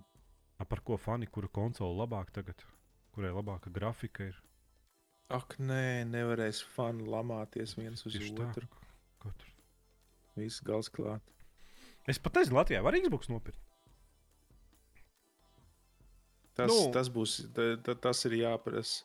Tiem, kas Jāprasa meklē. klausītājiem. Jo es, lai- es, lai- es lai vispār vairs ne video kartes, ne plēšu, vispār neskatos vairāk. Es arī. Tāpēc, ka es netaisos es jau- pārmaksāt. Es jau, kad es pagājušajā vasarā saliku šo datoru, es jau tad skatījos nu, tā, lai es varētu kaut kādus piecus gadus nedomāt, vienkārši neuztraukties. Nu, labi, protams, es nevarēšu jaunākās spēles uz, uz uh, maksimālo izšķirtspēju un kvalitāti spēlēt, bet man tas nekad nav bijis svarīgs. Un, un tagad, jā, visu laiku tur kolēģi arī raksta, to, jā, te- tur nevar video kartes vai vesels dators nopirkt. Nu, man arī, kad uh, man priekš darba vajadzēja martā sūtīt laptopu, tad pirmajā dienā uh, Dateksā, man liekas, jā, bija pieci tādi laptopu modeļi pieejami. Nākošajā dienā, kad manējo sūtīja, tad jau bija palicis viens. Un tas jau ir, tas ir biznesa klases laptops, nevis tā kā nu, parastajiem ikdienas lietošanai. Tāpēc, ka visiem Un- sēž mājās, visiem sīkiem Jā. jāmācās, vajadzīgs dators, planšets jau īsti tur nepildīsi. Jā, man tagad brālis vēl prasīja, viņš brauc pēc uh, vairākām nedēļām no darba ārzemēs atpakaļ. Viņš man prasīja, nu, kādu, kādu datoru lai es, lai es paņemu uz, uz priekšstudijām tālāk. Un Es viņam jau teicu, nu, man nav jēgas šobrīd paskatīties, kas ir internetu veikalos pieejams, jo tas jau pēc nedēļas tur ir vairāk kā pusi vienkārši pusi izslaucīta. Nesaka, viņš jau gribēja pašā- video karti ir iekšā normāli. Jā. À, Nu, tas pats arī tajā dateksā. Pirms kāda laika jau es skatījos, arī brālim vienkārši nu, interesi pēc, ko, ko viņš varētu paņemt, jo viņam iepriekšējiem tur mācīs plati vai kas nodeg. Un uh, vienkārši daudzām precēm internetu veikalos vienkārši rakstīts, vai nu tur gaidīšanas laiks tur entie mēneši, vai arī vienkārši šī prece nav pieeja- pieejama un mēs nezinām, kad būs, kad būs pieejama. Es paskatījos arī Dānijā, kur es ņēmu daļu šim datoram. Man tur uh, mazajā pilsētiņā, kur es dzīvoju, tieši bija milzīgs uh, vairumtirdzniecības bāze, bet kas arī privātpersonām pārdeva. Un viņiem vienkārši video kartēm, visām datoriem, dažādām komponentēm klāt rakstīts, šis nav pieejams, un mēs nezinām, kad būs pieejams. Viss, viņi, viņi, viņi neko nesola. Viņi vienkārši atklāti uzraksta, ka, nu, sorry, nu, Vismaz viss nemelo. slikti. Neliekšu tie Jā. varianti. Nu, iemaksā, nu, pēc, pēc, pēc trim nedēļām būs. Nu, Viens A. Paiet trīs, eh, trīs, paies trīs mēneši, un nav. Jau atkal. Paies trīs mēneši, tu zvani, prasa, kur ir preci. Ah, viņi mums nav, nav pieejami šobrīd, mēs paši gaidām. Vai mums. Jā. vajadzēja jums atsūtīt e-pastu vai kaut kā paziņot par to? Hmm, nu nezinu, gan. Tas, Ai, būs, tas būs vēl ilgi. Tas būs vēl ilgi, Jā. un varam negaidīt beigas. Drīz. Es pat nezinu. Es pat nezinu, ko. Man gribās citu video karti, bet tā pašā laikā arī negribās, un tā pašā laikā gribās. Zini, kāpēc Es gribās? gribu. Tāpēc, ka nevar dabūt. Ja varētu dabūt, tad negribētos. Man nav tāda problēma. Es, es, es tikai gribētu operatīvo palielināt. Ar Ak. 16 gigabaitiem nedaudz par īsu, priekš, priekš augstāks izšķirtspējas video apstrādes. Ko tu tur? Cik tev 16 gigabaitu? Jā, ir par Nevajadzētu būt īsu. pa īsu. Ir. A, kā tu, ā, tu jau noteikti kaut kādus tos te uh, Adobe, jā? Jā. Tie jau mīl RAM. Nu, jā. nu, es, es papētīju, man 32 būtu baigi forši. Bet šobrīd tā nav, tā nav prioritāte. Es varu arī lēnā garā strādāt ar, ar 16. Bet tā tur paša video Kā karti. tu Nu? Kā tu vispār šitā te vari atļauties? Video apstrādēji vajag NVMe disku tur. Re, reidā. Man jau ir. À, nu, tā man nav. Bet tāpat viss. Ka, nav. es, es savai video apstrādē nopirku arī NVMe disku. un Domāju, ka būs ātrāk. Vispār nav ātrāk. Es nekādu atšķirību vispār nepamanīju. Un tā arī nesapratu, kas paliek. Mhm. Uh, Atšķirība bija viens ir 4000 megabaiti, laikam tas Samsung Pro. Un iepriekšējais bija vienkārši parastais SSD SATA, kas bija 400 megabaiti. Uh, Mhm. un atšķirības vispār nejūtu. Es arī pamēģināju vienu un to pašu izējas failu apstrādāt no parastā SATA SSD un no NVMe. Pilnīgi nekāda. Nu, varbūt kaut kādas tur milisekundžu atšķirības ir, bet man kā vienkāršam parastam džekam no mazpilsētas nekāda atšķirība nebija. Bet es papētīju, jā, ka nu, tieši ar Adabas produktiem strādājot, jā, tur operatīvo atmiņu vajag iebarot vairāk. Bet jā, Pozitīvi. video, video kartu nevajag man jau. Jā, Rams jau dārgs bija. Ne? Es nezinu, cik es jau Nu. samaksāju par savu, jo 16 gigu nebija kaut kāds 140 eiro, nebija vairāk. Ugh, tas ir padaudz. Es skatījos, ka tāda, kas es gribētu tieši tādu pašu, kā man jau ir, kaut kādi 9. Tu jau nevis gribētu, bet ir ļoti ieteicams tādu pašu Nu, nu, modeli nopirkt. Jā, nu es, es skatīšos. Bet uh, tas, kas man ir iekšā, kaut kādi 90 eiro būtu vēl 16 gigabaiti. 90, tā nav tik traki, jā. 95. Es Nav jau tik es, traki, es toreiz, es toreiz pirku tam raizēm procentu. Baigos ātrums, bet laikam viņš pārcentos. Bet nu gribējās kā labāk. Nu, Bet, nu, tagad vismaz, es, vismaz man ir mierīgs sirds, ka man komps nekarās. Vispār man komps vispār nekarās. Nu, tā ka Jā. vispār nekas nekarās. Es, es paspēlēju citiem, tad pašizņi kādam kaut kas uzkrās. Ar man viss iet. Es priecīgs. Man, man uh, Windows Explorer karās, tāpēc, ka man ir ārējais cietais disks pieslēgts. ārā. Un tikko es, tikko es gribu, nē, tas jau tikai tad, kad es, es gribu atvērt kaut ko no tā ārējā cietā diska. Jo man visi, ja es, piemēram, spēles spēlēju un ierakstu, tās man iet, tie video faili iet uz ārējo cieto disku. Ja tur vienkārši vieta ir daudz. Ja man, bet tur kāpēc maksā ielikt iekšā? Bet nu, labi, ja tev strādā kā tev starpība. Man ir kaut kāds desmit gadu vecais, kas uh, cietais disks, 500 gigabaita, kas griežās un 80, meg 80 megabaitu sekundē viņš tur raksta. Uh, mm -hmm. Ierakstīšanai ir uh, vajadzīgi 40, 50 laikam. Easy Nu, man peasy. ir 35 un ir kvalitāte pietiekoši ok. jābūt lūslas kvalitātei. Es nevaru, man, man uh, operatīvā nepietiek.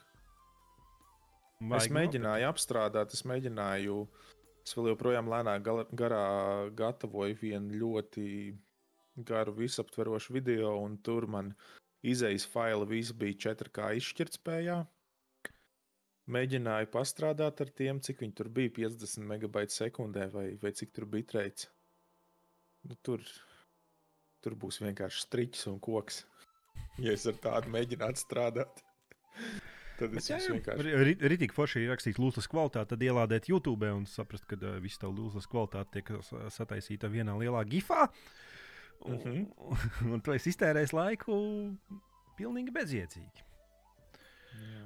Nu, es atklāju, ka es tagad, uh, lai dabūtu labāku kvalitāti YouTube, tai premjerā, viņam jau tur eksportējot, ir tie uh, settingi, kaut kāda template, un tur uzliek vienkārši YouTube to, kas viņam tur 4K un vienkārši palielina izšķirtspēju vispār.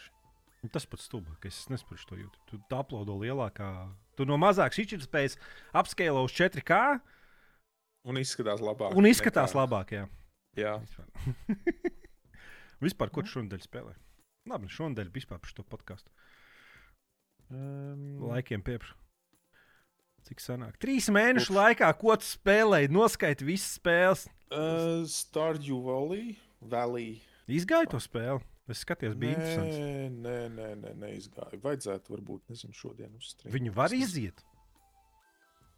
Es domāju, ka jā. jā. Nu, Tie, tur jau nezina, tu Stardew Valley ir- izpildi. Fermera simulators. Jā, pikseļains, divu dimensiju.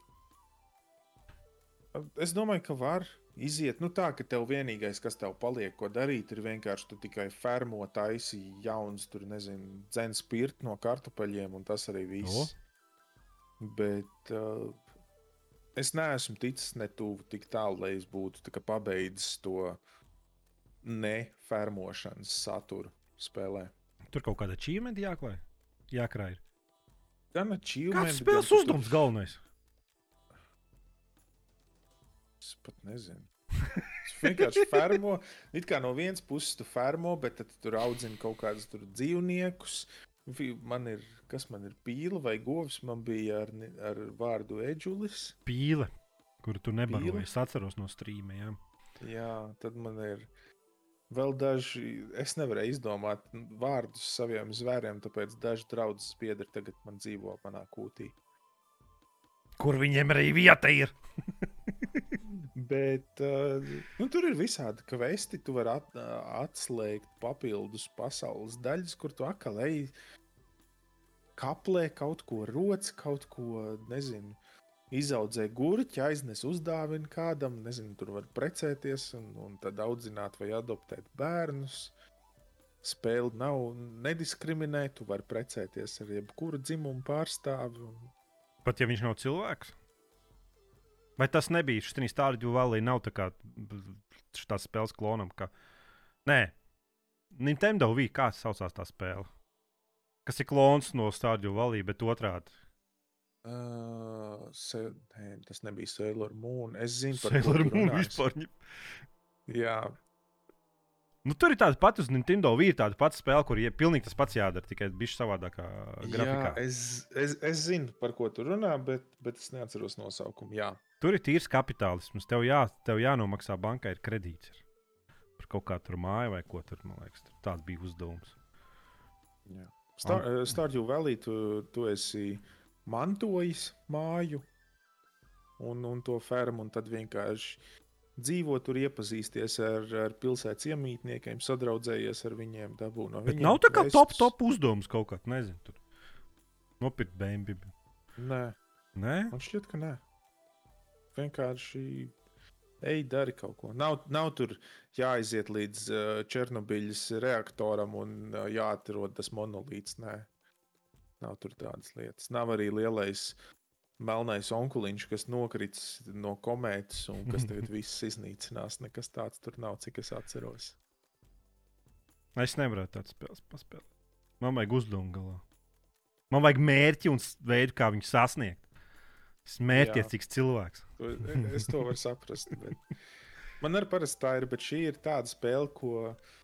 Viņa ir viena no tām spēlēm, ko tu vari, tu vari ie, ieguldīt tur entās stundas, vai arī tajā pat laikā ieiet vakarā, tur pāris minūtes paskraidīt, tur novākt kaut kādu ražu, noseivot un vienkārši atstāt viņu.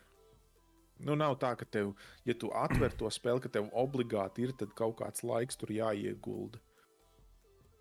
Tikai, ja tev patīk tādas spēles, tad tas var uh, notikt neplānoti. Kad tu domā, oh, jā, paspēlēšu 20 minūtes, un tad ir 5 stundas vēlāk. Jā, tā kā spēlēju civilizāciju. Jā, ko vēl es spēlēju? Far Cry 5 es paspēlēju. Tas ir kas? Tas ir uh, pamerikāņiem. Jā. Bija doma ar, uh, ar Renāru paspēlēt. Tāpēc, ka Tur mēs, pēdējā laikā kop- baigi reti redzams, vai arī kaut kur viņš pazudis, vai, arī es, viņš vai neaktīvs ir vienkārši viņš ir Viņš- kaut kur citas lietas dara brīvajā laikā. Un kūpina riepas. Volviķim. Volviķim. Jo mēs, mēs to Far Cry 4 spēlējām kopā, bet Far Cry 4 ir ļoti maz ko darīt kooperatīvā. Bet Far Cry 5, cik es skatījos, tu vari arī stāsta misijas pildīt. Un, un, un jā, bija doma, to varētu uzspēlēt kopā, bet tad es viņu paspēlēju solo. Un tad es viņu pārtraucu spēlēt, cerībā, ka Renārs kaut kad uh, izlīdīs no niedrēm, vai kur nu viņš ir ielīdzis, bet tā arī vēl nav parādījies. Slikti. Un, un, un, un nu jā, tad to Ileks gribēja dot tai spēlei iespēju vairākas stundas. Nekas nebija. Ah, un tad es spēlēju to holodrive. Uh -huh. Ļoti. 27 minūtes manas dzīves, un tad vairākas stundas veidojot video. Ļ- ļoti izsmeļoša spēle. Vienkārši nu, tāda vilšanās, jo, jo pēc tā, ko redzēju Steamā, likās, nu, tiešām tāda forša vienkārši spēlīt, kur tu kaut kā atgādināji kaut kādas flash spēles, kuras senāk, nu, arī vienkārši ej, pas, paskraidi palēkā pašaudies. Bet tajā holodrive tur, tur nekā nav. Tur vienkārši nekā nav. Un tiešām es spēlēju, nu, labi, varbūt drāmīgs taimings, bet tāpat laikā, es, kad viņi spēlēja, tad bija vakars. Un es, man liekas, biju Eiropas serverī. Bet uh, visos mačos, kur es spēlēju, mēs bijām vieni un tie paši pieci vai seši spēlētāji. Nu, jā, Jā, online spēlēm ir tāda problēma. Auditorija nomirst, un tava spēle ir nomirusi. jā. Un Tur, tur arī paskatoties, vairāk papētot Steam apskatus, varēja redzēt, ka jā, cilvēks ir ielicis ķipa, recommended spēli, bet uh, apskatā teksts need more players. Nu, tas ir. Bet nu, ir jau daudz tās online spēles, kur, kur cilvēki domā, ka viņas būtu rītīgi foršas, ja viņas vairāk spē, spēlētājs spēlētu. Un tad viņi vienkārši ieliek uh, pozitīvu vērtējumu, cerībā, ka nu tik nāks cilvēki viņu spēlēt, viņu mīļo spēli. Man sanāk, tā bija ar Super Monday Night Combat. Tā bija ļoti forša spēle. Jā, man viņi, patika. viņi nomira. Nu, Nu, tur spēles izstrādātāji, viņi vismaz viņi pa serveriem maksāja un uzturēja serverus, bet tur update pir, pirms to spēli vispār tos serverus. Vai arī varbūt pat serveri vēl strādāja, es nezinu. Bet tur es nezinu, cik gadus jau izstrādātāji vispār neko nebija darījuši. Un, un tad bet tā spēlē kaut kas un tur- pietrūka. Tur kaut kas viņai stipri pietrūka. Nu, tur Es nezinu. nebija. Tur vajadzēja vairākas, varbūt, kartes vai, vai, vai tos, tos čempionus vai varoņus, sauc, kā viņi tur saucās. Bet, jā, pēc uh, paspēlējot vairākus mēnešus, likās, jā, nu, pietrūkst. Vai, vairs nav tik interesanti. Plus vēl tas, ka tur bija tādi bārdaini veterāni savākušies, ka tu kā parasts jaunpienācējs tajā spēlē, nu, tur nebija ko darīt. Tur vienkārši, ja, ja, ja, ja spēles algori, algoritms tev saliek pret tiem bārdainajiem, nu viss, nu tu vari Nu, jā, bet, ja maz spēlētāji, un- tad nav variantu. Jāliek, ka bārdēniem večiem vismaz kaut kur tiec paspēlēt. Bet tur nebija arī Nu, kooperatīvais režīms. vai? Liekas, Tur, tur bija, bet viss tur kaut tik kas. daudz, tik daudz nespēlēja viņu. Tur bija kaut kādi kooperatīvai režīmi, bet tur bija, man liekas, 20 minūtes jāgaida mačs.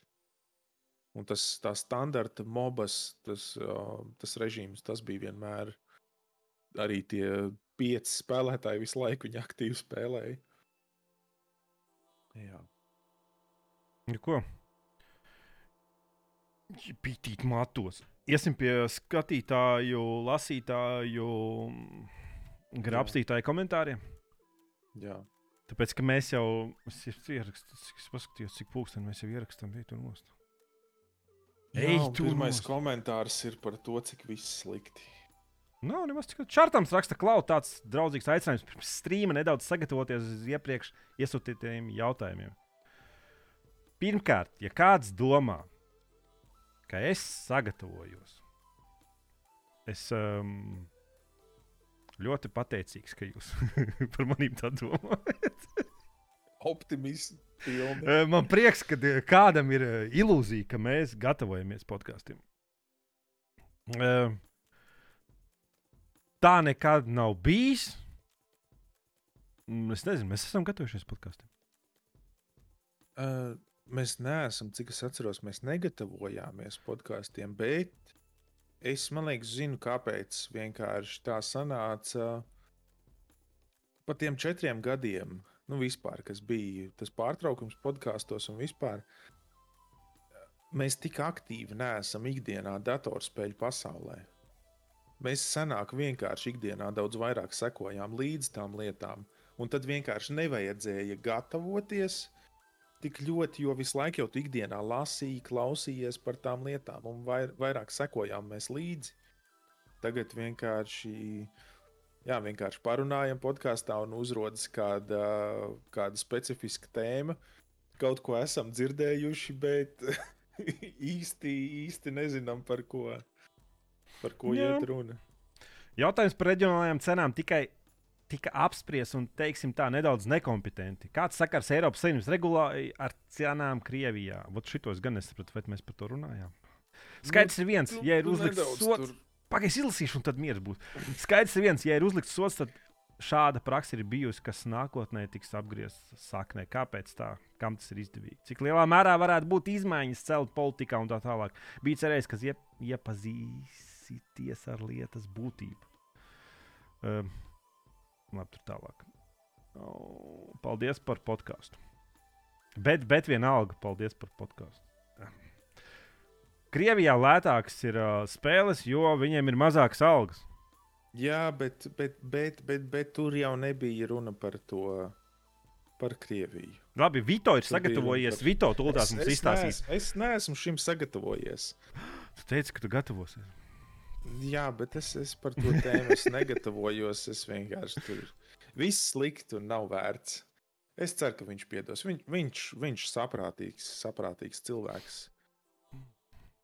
Vienkārši, jā, nu, nu, kā jau es teicu, mēs, mēs neesam vairs tik aktīvi tajā pasaulē, jo tomēr nu, mē- es esmu vecums aktīvs. nenāk viens. Es esmu aktīvs. Edgars Man- jāiet niedrēs, man, ir, man, man tomēr aiziet ļoti daudz laiks mācoties darbam vajadzīgās lietas. Bet jā, nu. Turpmāk es vismaz centīšos paskatīties, ja kādas specifiskas tēmas būs, tad, jā, nu tiešām specifiski jautājumi, tad, tad nedaudz, nedaudz pa, papētīt vairāk to lietu. Jo nu, tur vienkārši aizgāja baigā bez tēma. Šis podkāsts ir baigājis. Ja Nu, kāds tas- domā tā- savādāk, tas- kaut kā. Tas jau ir es- cits jautājums. Es, es, es nezinu, es, es li- Nē, likšu nu, vilties. mēs, mēs neesam nekādi beigie tur profesionāļi, un mums, mums neviens nemaksā. Mēs neesam algoti žurnālisti. Nu, bet tas, ka tās ziņas tagad ir video spēļu industrijā, ziņas ir vienkārši pilnīgākā huīņa. Es, es atvainojos par upiem izteicieniem. Iznāk traileris eh, trailerim, announcements announcementam. Um, Un tā viens, ir Skype. viens spēļu studijā apgrābstīja un teica um, kaut ko par uh, sievietēm. Um, kas vēl? Kas vēl iznāk? Ā, Kārtējais remakes iznāk. Call of Duty ir joprojām iznāk jauns bugs, un cilvēkiem tas ļoti nepatīk. Apple cīnās ar uh, Epic Games. Viss slikti. Tur vienkārši nav ko lasīt. Tur es, es, es, es kā cilvēks, kuram interesē visas tās tehnoloģijas un visas nu, video spēles kā tādas. Nu, es, es nezinu, saprotiet, nu, tur nav ko. Es, tās ziņas ir vienkārši nu, pilnīgākā. Tāpēc, ka tagad viss šis PR, viss tas pasākums beidzot cilvēki laikam apskatī, uh, sapratuši, ka, nu, kā tas viss darbojās. Un viss tas ir diezgan uh, vienmuļā ritmā. Tāds, tas ritenis, visi tie PR cilvēki, kā viņi tās ziņas izdod. Kādreiz jau tur, nu, tagad pat noplūda informācija. Noplūda. Noplūda. Mm. Nu, tu, tu, pilnīgākā. Nu, es nezinu. Es, ne, es nezinu, ko tādā ziņās. Un, varbūt kādam ir savādāks viedoklis. Jūs to varat laipni ierakstīt komentāru sadaļā. Bet, uh, Nu, jā, tad, kad, tad, kad nākošā, jā, nākošā lielā spēle šogad ir uh, Mass Effect remasteris, kas ir izdota, jā, tad es nezinu. Es nezinu. Viss slikti. Jā, bet nē, man patika kādreiz, ka varēja Krievijas spēles pirkt Steamā par 9 eiro jaunu spēli. Vispār pičotka no Krievijas. Tagad jau visu reģionu lokojuši. VPN. Jā, Jā bet es paslīnku esmu. jā. Tas ir tad jāiet un jāieslēdz VPN. Un tad ir viņš Nu. ir jāizslēdz atkal. Tas ir bijis. Tas ir pārmet krustu. Ko?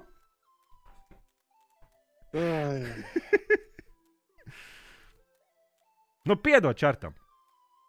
E, Piedod, ka mēs e, sagrāvām tavas cerības. E, Lūdzu, visu kritiku izteikt Delfu komentāros. E, nereģistrētu- Par mums. Par mums nesaistītos Delfu rakstos. Nu, jā, nu, baigi, baigi rēti, kad ir tādas. Uh, tagad skatījos, uh, vienu brīdi, nezinu, cik trīs mēnešus no vietas ziņas, visas aktīvi skatījos, pierakstīju visu. Un tad, Mhm. un tad, tad domā, um, nedēļas beigās, kur no sūdiem lai es ielieku un uh, šīs ziņās. Jo, vienīgā interesantā ziņa bija tas, ka Mass Effectā samainījās skatu leņķu, vairs nerāda dibenus.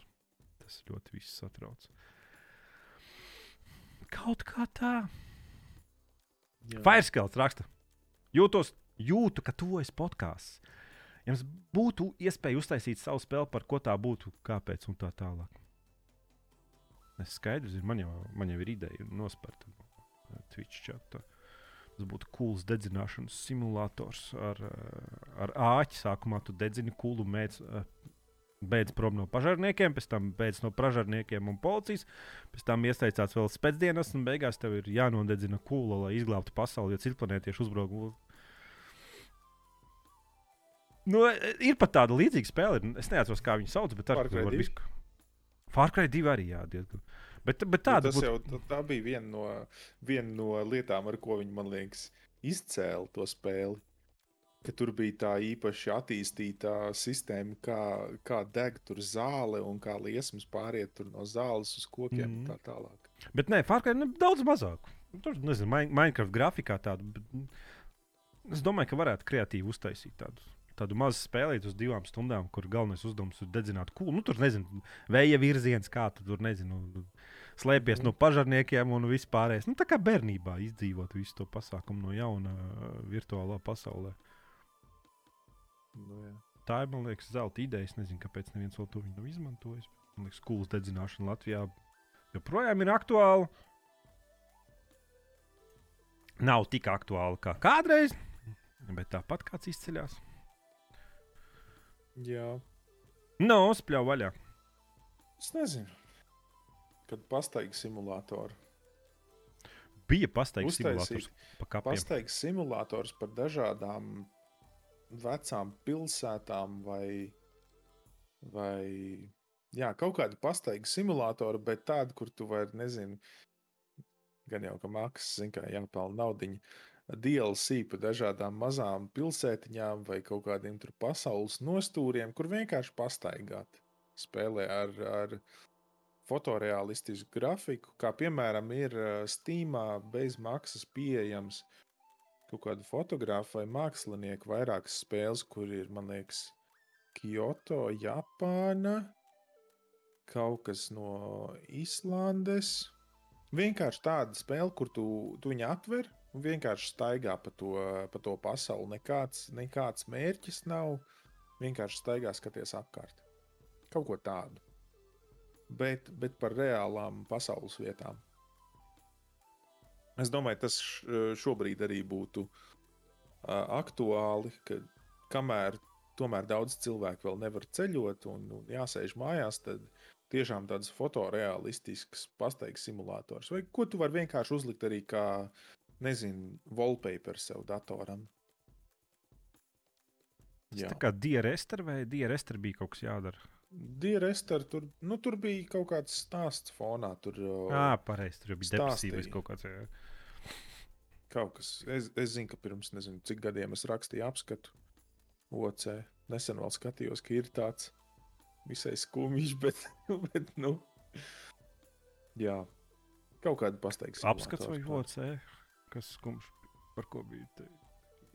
Piebildi par nu, OC lapa arī. Nu, Sākās. Sāpīga tēma. Kas vainas lapai? Ik pa laikam uzkarās, es restartēju serveru un viss aiziet. Nu, tad vēl komentārus daži cilvēki nevar. nevar. Es nezinu, man strādā viss. Man strādā tas viss. To es saprotu, bet vairāk cilvēki man ir gal, galvenais, ka man ir rakstījuši. Nu, bet, bet tu jau tas tēvainis. Nu, es tur tikai. Tev pat ir OCL vai krekls, man pat nav. Man ir, man ir kaut kāda ģitāra. Jā, tāpēc, ka man nav green screens. Es plebējos bez green screen. Nožēlojami. Uh, Jā. man nebūtu green screen, ja man būtu normāla istaba. uh, bet tā kā es sēžu pie man te aiz muguras ir siena, tev viss jau pieskārus sienai. Un, man arī ir siena. Un tas tev ir lokus vai ne? Aiz muguras man ir te blakus. Nu. Man aiz muguras ir. Es tev varētu pat parādīt, ka man ir siena. Param, pam, pam. Nu jā, tagad viss izskatās pēc oficiāla darbinieka vienkārši. jā. Ja man būtu kaut kas bijis interesantāks aizmugurē, tad jau man nebūtu screen, bet dzīve piespiež. Labi, no, nu jā. tas pats, tas pats. Vai esat kādreiz tieši caur datorspēlēm iepazinušies ar kādu cilvēku vai vairākiem? Viennozīmīgi nē, ar kuriem pēc tam izveidojas ilgstošas draudzības, ar tieši otrādi spēcīgi nepatika vai pat naids. Jā, pēc tam gadiem ir uh, baigi daudz jaunu cilvēku iepazīti. Un... Nāk un iet, protams, dažus atceramies, dažam, dažus nē, bet to es saprotu, ka pēc tam dzīve visiem uh, kustās uz priekšu, intereses parādās. Kāds sāk cilāt hanteles, kāds dedzināt riepu, kāds um, pīpēt zāli un, uh, un aiziet viss tas prom, kāds izaudzē trīs bērnus. Un... Kāds viņi... sāk pārāk daudz heitot tavu, tavu mazas rūsu, un tu ar viņu vairs nedraudzējies. Es viņu melnajā sarakstā jau ierakstīju, bet nu, tas nekas. nē, nē, vien, viennozīmīgi. Es, es nezinu, ka, bet man liekas, katram ir. Jā, nē, nevar, nevar tā teikt, ka katram ir. Ir es tā, vienkārši tāds - tas ļoti nodala to, to gaming no reālās dzīves.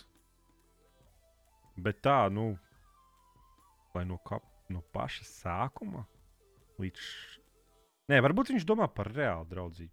Es, piemēram, Vito nesu dzīvē pat aptaustījis. Man gribētos ļoti viņu aptaustīt, bet es dzīvē viņu nesu aptaustījis. Wow, wow, wow, šito vajadzēs izgriezt. nu, saprot, mēs pat roku neesam paspieduši nevienu reizi.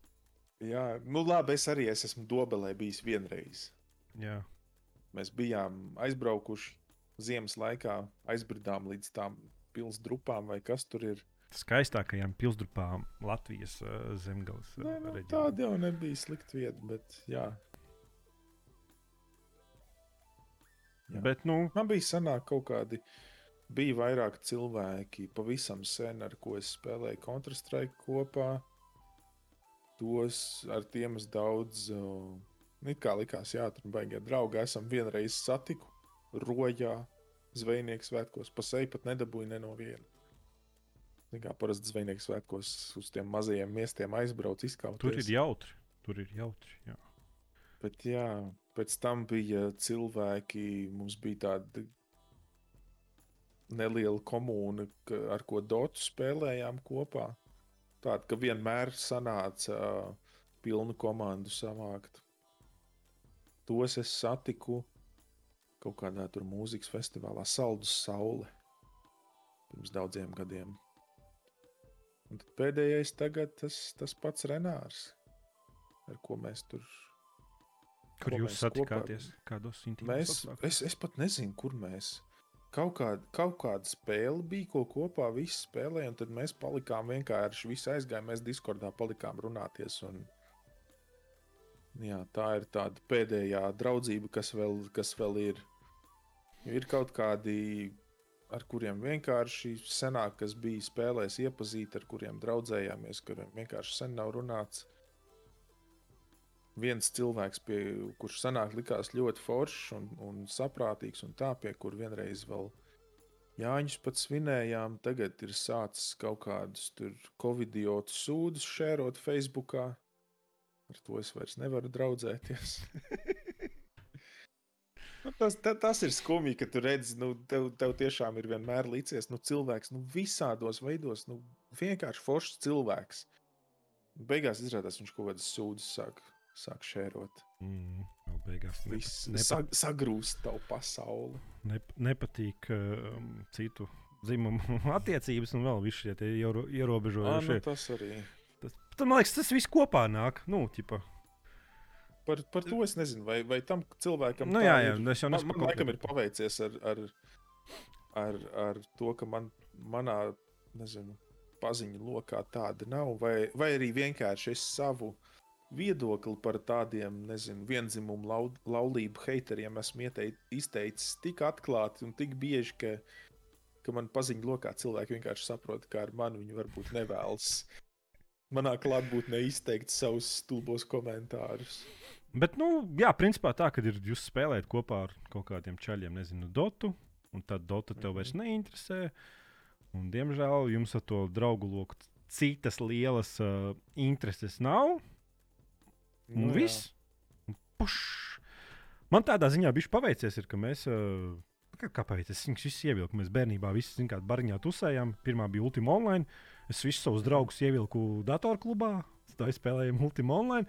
Pēc tam bija Mū Online, kas ir vienkārši. Nu, um, Mm, online. Pagaidām, kas bija? Kas... Ah, nu, protams, CS mēs visi tur, zinām, Half-Life, Deadmatch, visus tos tur kapājām. Tur vienkārši nedēļām. Tad, laikam, pēdējā spēle, kuras ievilku visus, bija League of Legends. Tagad man besija ārā visi tie League of Legends spēlētāji. Man tā spēle besija ārā. Man liekas, ka viņi izraisa tikai negatīvas attieksmes. Man nepatīk, kad, piemēram, mēs Latvijā sēžam un viens ir bijis iedzēris, bet man brīdīgi bija daudz, jo, viņi, jo viņš spēlē video spēli. Tas ir vienīgais iemesls, kāpēc es sapratu, ka es negribu ar draugiem sēdēt. Ka- Kaut, nu, katrā ziņā, nu, ar attiecībām mums nekādīgi nav sabojāts. Vienkārši vot tas mirklis man vairs. Man gribās spēlēt spēles un smieties. Nu, Mm -hmm. nu, jautri, lai ir. Bet tā, kad es redzu, ka mēs spēlējam League of Legends un 20 minūtes viens ar otru nerunājam, zin, klusums vienkārši Latvijā. Jā, mums tas- pīpēt. Tad, Nu, bet bet tas... tas, tad vajag izvēlēties citas spēles. Tikai ne Mario, Mario kartingu. To gan ne. To nespēlē ar draugiem. tādā ziņā. Jā, bet nu, tas, tas jebkurā gadījumā, jebkādas uh, attiecības internetā, ja tu, ja tu protams, neesi OnlyFans vai. Ja, bija kaut kas, bija. Bija ie, iepazīšanās servis. Uh, Tinders. nē, Latvijā bija. Otra puse. Kaut, ka- kaut kā, ot, ja tu neesi tur iepazinies, tad tur ātri beidzās vienkārši. Jo vienkārši, nu, tā kā es jau teicu, dotu spēlē, tu pārstāji dotu spēlēt, vai cits pārstāji kopējais interesi nav un aizmirst to visu. Mm -hmm. Jā. Paulis Vuškāns. Būs savā video tiešraidē ierunājis par to, ka nevajadzētu, ka nevajadzētu atdzīvināt Age of Empires. uh, to spēli atdzīvināja. Es redzēju jaunu Age of Empires traileri. Es domāju, ka es nejaucu, ne? Pagaidzi, ierakstīšu sodāk. Es, es esmu redzējis, ka ir kaut kas tāds. Es atceros, es lasīju par to, bet traileri man liekas, ka es neredzēju. Es nezinu, ja tur, uh, ja tur kuģī vienādu vietu neaizņems uh, pieci ziloņi. Nu, ķipa, ja tu kuģī nevarēsi likt vai nu piecus ziloņus vai piecus lokšāvējus, tad tas nav Age of Empires. Mm, es, es vienkārši redzēju ja- jaunu Age of Empires traileri, ja es nejaucu. Viņš izties tā kā sūda mobilā spēlē, e, kur es nekad negribētu spēlēt. Vienkārši trīs kubiciņu tur. Uh, nu, jau vienkārši. nav jāspēlē tas jaunais. Tu jau vari spēlēt, uh, Veco. tāpēc ir vecie remasteri. Jā, jā. Tāpēc ir Age of Empires 2 un 3 ir Definitive Edition versijas. Bet nu, tas bija tik nožēlojami. Age of Empires trailers. Es, es, es tik nožēlojami kaut ko sen nebiju redzējis. Man liekas, ka tur vēl bija tā, ka traileru vidū tā, tā spēle nevilka.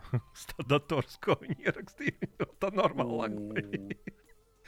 Un grafika ir tā kā mobilajās spēlēs.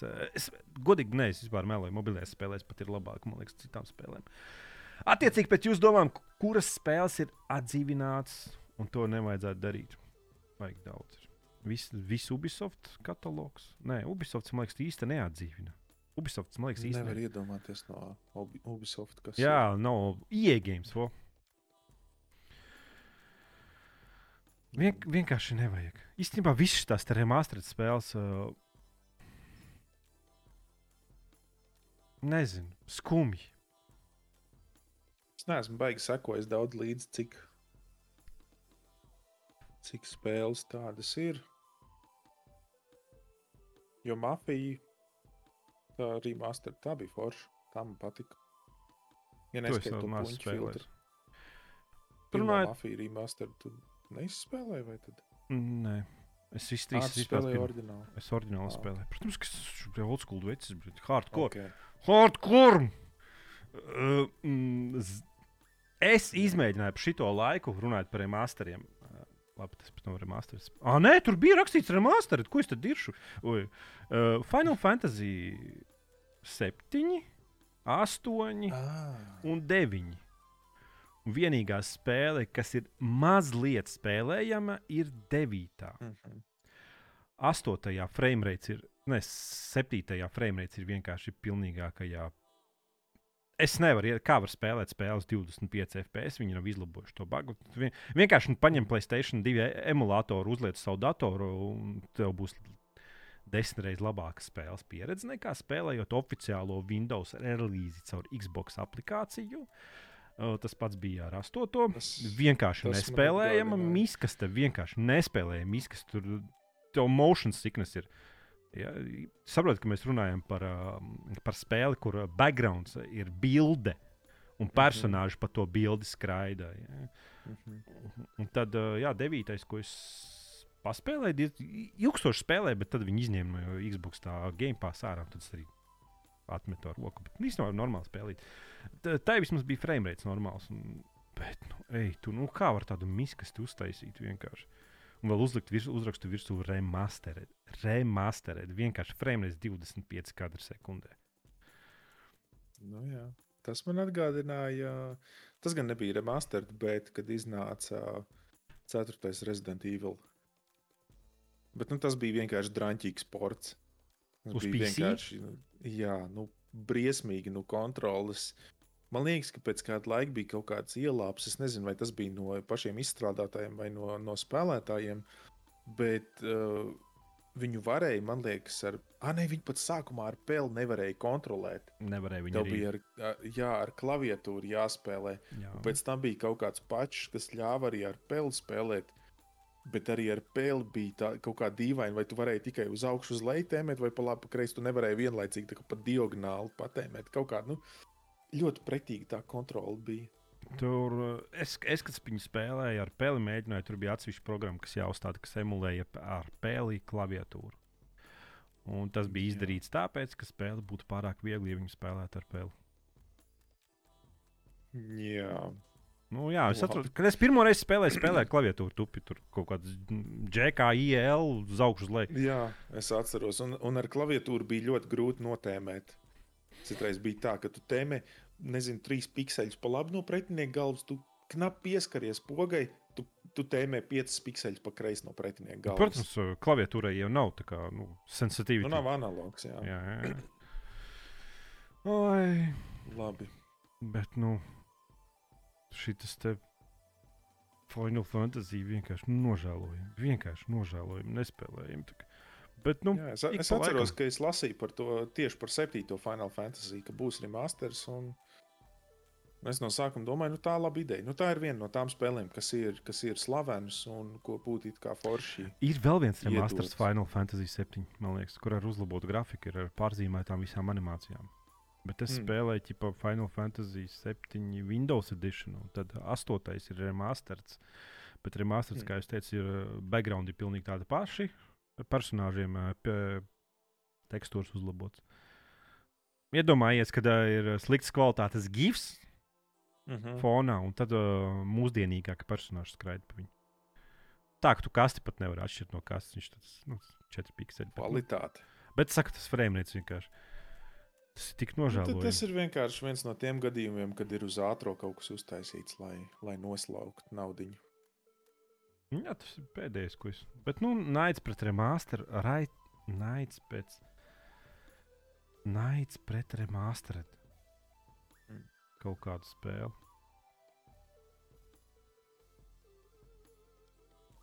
Kuras no lielajām spēlēm ir mirušas un tā, lai tās paliek?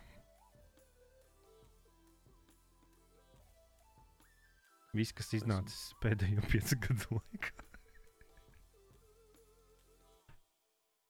Nezinu. Nevar iedomāties. Uh, jā, es varu iedomāties, saucās tāda spēle kā Mass Effect. Sukas, es atvainojos par rūpībām. Viņi, viņi to zirdziņu tur, um, gotiņu tur slauks un slauks un slauks un slauks un slauks. Un slauks, un slauks. Nu, tas jau ir, man liekas, tas jau tāds trends ir. Tas vienkārši arī Ir, ir, ir remasteri, kas ir kvalitatīvi uztaisīti, un ir tādi, kur tu acīm, nu, ir acīm redzams, ka tas ir vienkārši naudas noslaukšanai. Bet daudz Tālāk. spēles ir nomirušas īstenībā. Kas bija Vačdogs pēdējais, ko es atceros, kad es vispār nu, pirmo izspēlēju, viņu vēl trešo izlaidu. Laikam. Nu, Pa lielam, es nezinu, kā ir ar Fārkaraju. Tas noteikti Ubisoft spēles turpināsies. Assassin's Creed es neesmu spēlējis. Es nezinu, cik jau. Man liekas, Black Flag bija pēdējais kaut kāds. Nezinu. No ieejas vispār ne... nevar dzirdēt labas lietas. nu, no ieejas, kas tur Call of Duty vienkārši var iet. Uh, Iegājums Pa- bija Battlefield. Battlefields, jā, tas to es sarunāju. Kā Battlefield single player parasti izspēlē, tāpēc, man patīk grafika. Bet spēles single player parasti ir tik nož... nu, labi nožēlojams, ne viduvējs. Pārāk daudz tādu spēļu, man liekas, ir. Dieva dēļ. Ir tīpaši man besi ārā, kad izstrādātāji uztaisa pilnīgi kaut kādu savādāku spēli. Pilnīgāk, sa, pilnīgi, pilnīgi savādāku spēli nekā oriģināli. Vienkārši paņem tupi nosaukumu, uzmauc virsū un ķipa, šai jums būs. Mhm. Kuras tomēr jūs gribētu vēlreiz redzēt? Nomirušās. Uh, Need for Speed Underground 2 remasters. Tas būtu labs. Man liekas, ka viņi nevar uztaisīt viņu, tāpēc, ka tur mūzika. Gan jau, jā, kaut kādi kopīraidi. Nu, varētu jau arī. Ne, nu, mūzika, protams, tur bija. Mūzika tur, tur bija ļoti laba un tā, bet es domāju, ja viņi uztaisītu remasteru, viņi vienkārši varētu arī uztaisīt. Protams, neanauncot nekur, bet vienkārši, lai, lai spēlētāji var pēc tam savu mūziku ielikt un ielikt oriģinālo mūziku pašu pēc tam kā modu.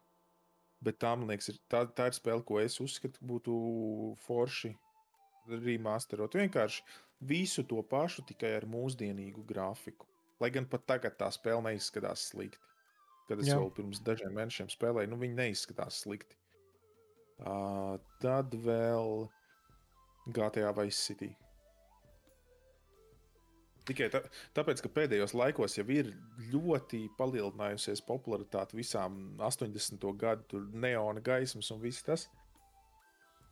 Un ir jau bijuši kaut kādi tur traileri, tur cilvēki ir fani vienkārši taisījuši GTA 5 dzinīju.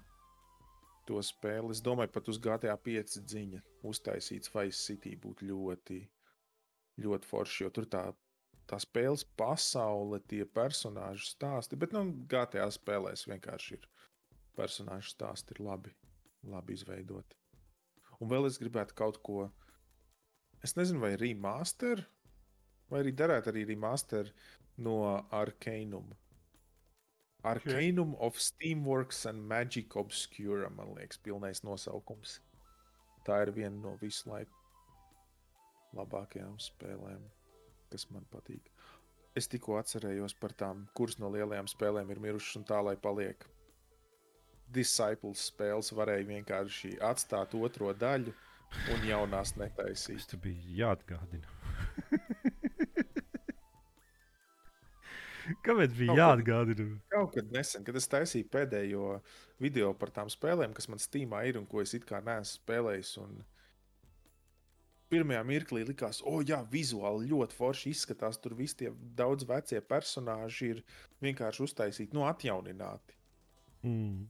Un gameplays vienkārši ir, nezinu, tikpat labi varētu, kā, kā viens Edgars reiz vienā video teica, līmēt pie pieres zaķu spiriņas. Būtu labāk nekā spēlēt Disciples. Jā. Man uz to jautājumu bija grūti atbildēt, tāpēc ka es labprāt spēlēju spēli arī oriģinālajā izskatā. Man tikai vajag izšķirt, piemēram, to pašu Need for Speed Underground. Mierīgi izspēlēju oriģinālā izskatā, man pat nevajag labāku grafiku. Man, man, ne, man netraucē. Ir, ir vienkārši grafika, kas noveco, un ir grafika, kas nenoveco. Nu, ir spēles, kuras vispār viņas, nu, man netraucē tādā ziņā. Uh, piemēram, man liekas, nu, piemēram, tādu mafiju pirmo izspēlēt. Mhm. Orģinālajā izskatā, un atcerēties, kāds tas bija. Tā ir savādāka pieredze. Nu, kad, kad tu esi stūra lupī un, un vienkārši visas šauja ar lāzeriem, kā old school spēlēs pienākās, un ka checkpointu nav. Un, Nu, tā tāda bija savādāka pieredze. Es labprāt spēlēju oriģinālā grafikā. Man, man vispār netraucē tādā ziņā. Mhm. Es esmu gra grafikas pau, pada, padauze, bet man vairāk patīk tehniskās lietas. Kā, kā, kā, kā atrisināt tas, piemēram, to, to pašu vaisties mhm. arī var oriģinālajā grafikā, tur modu uzliec. Un, nu, šarms kaut kāds tam visā ir. Jo es nevarētu, tas pats būtu arī vaistīgi. Viņi nevarētu uztaisīt, man liekas, remasterēt, tāpēc ka mūziku atkal nopirkt. Nu, varbūt, jā, gat, varbūt GTA varētu. Varbūt, nu, Viņi GTA. varētu atļauties. Viņi varētu varbūt atļauties, jā, bet IE games viennozīmīgi. Tur, cik naudu jāiztērē, lai to. Mm -hmm. Tāpēc, ka citi jau ir kļuvuši daudz populārāki nekā kad viņi bija spēles izdošanas laikā. Jā. Un citi varbūt vispār negrib. Un tad, ja fani nezina, Need for Speedā nedzirdētu savas mīļotās dziesmas, viņi būtu ļoti vīlušies. Nu, jā, nu. nu. Kā jau teicu, būtu vienkārši jāatstāj iespēja Ielādēt. modificēt, pašam ielikt. Jā. Tā, kur mēs te palikām? Paulis Buškāns. Vai to mēs? Tos Nē. mēs izlasījām. To mēs. Uz... Man vajag bija patīk, atvainojos. Jā. Tas bija ar tiem trīs jautājumiem, kurus tomēr jūs gribētu vēlreiz redzēt spēlēs. Play for fun. Mēs... Krievu spēlēm parasti varēja uzlikt engu pašu virsmu un spēlēt to spēli kā oriģināla versija. Tā es darīju ar tām lētām krievu versijām, jā. bet visām nevarēja. Jā. Uh, ļoti daudzām varēja, bet tad iznāca spēlē pašs. Es atceros, ka Battlefield bija baigais čakars. Nu, tev katru reizi, kad spēlē iznāca pašs, tev bija pa jaunu jāliek tas pats, un tad beigās spēlē krievis. Tāpēc, ka, um, krievu, krievu valoda ir tāpat tās otra, otra valoda Latvijā. Paldies par podkāstu un paldies tev, Vito! Ka tu draudz atbalstu un kur var ziedot nieri. Uh, Vito ir Patreons. Ja mierīgi var uh, atrast viņu ļoti labi meklē internetā. Blakus OnlyFans profilam viņam parasti ir tur. Um, Digis. Ok, sapratu, ka komentāri pienošu problēmu cēlā netiks labot. Es nezinu, kas tur par problēmu ir. Es godu vārds nezinu. Es nezinu, man ķipat Fireskelts ierakstīja.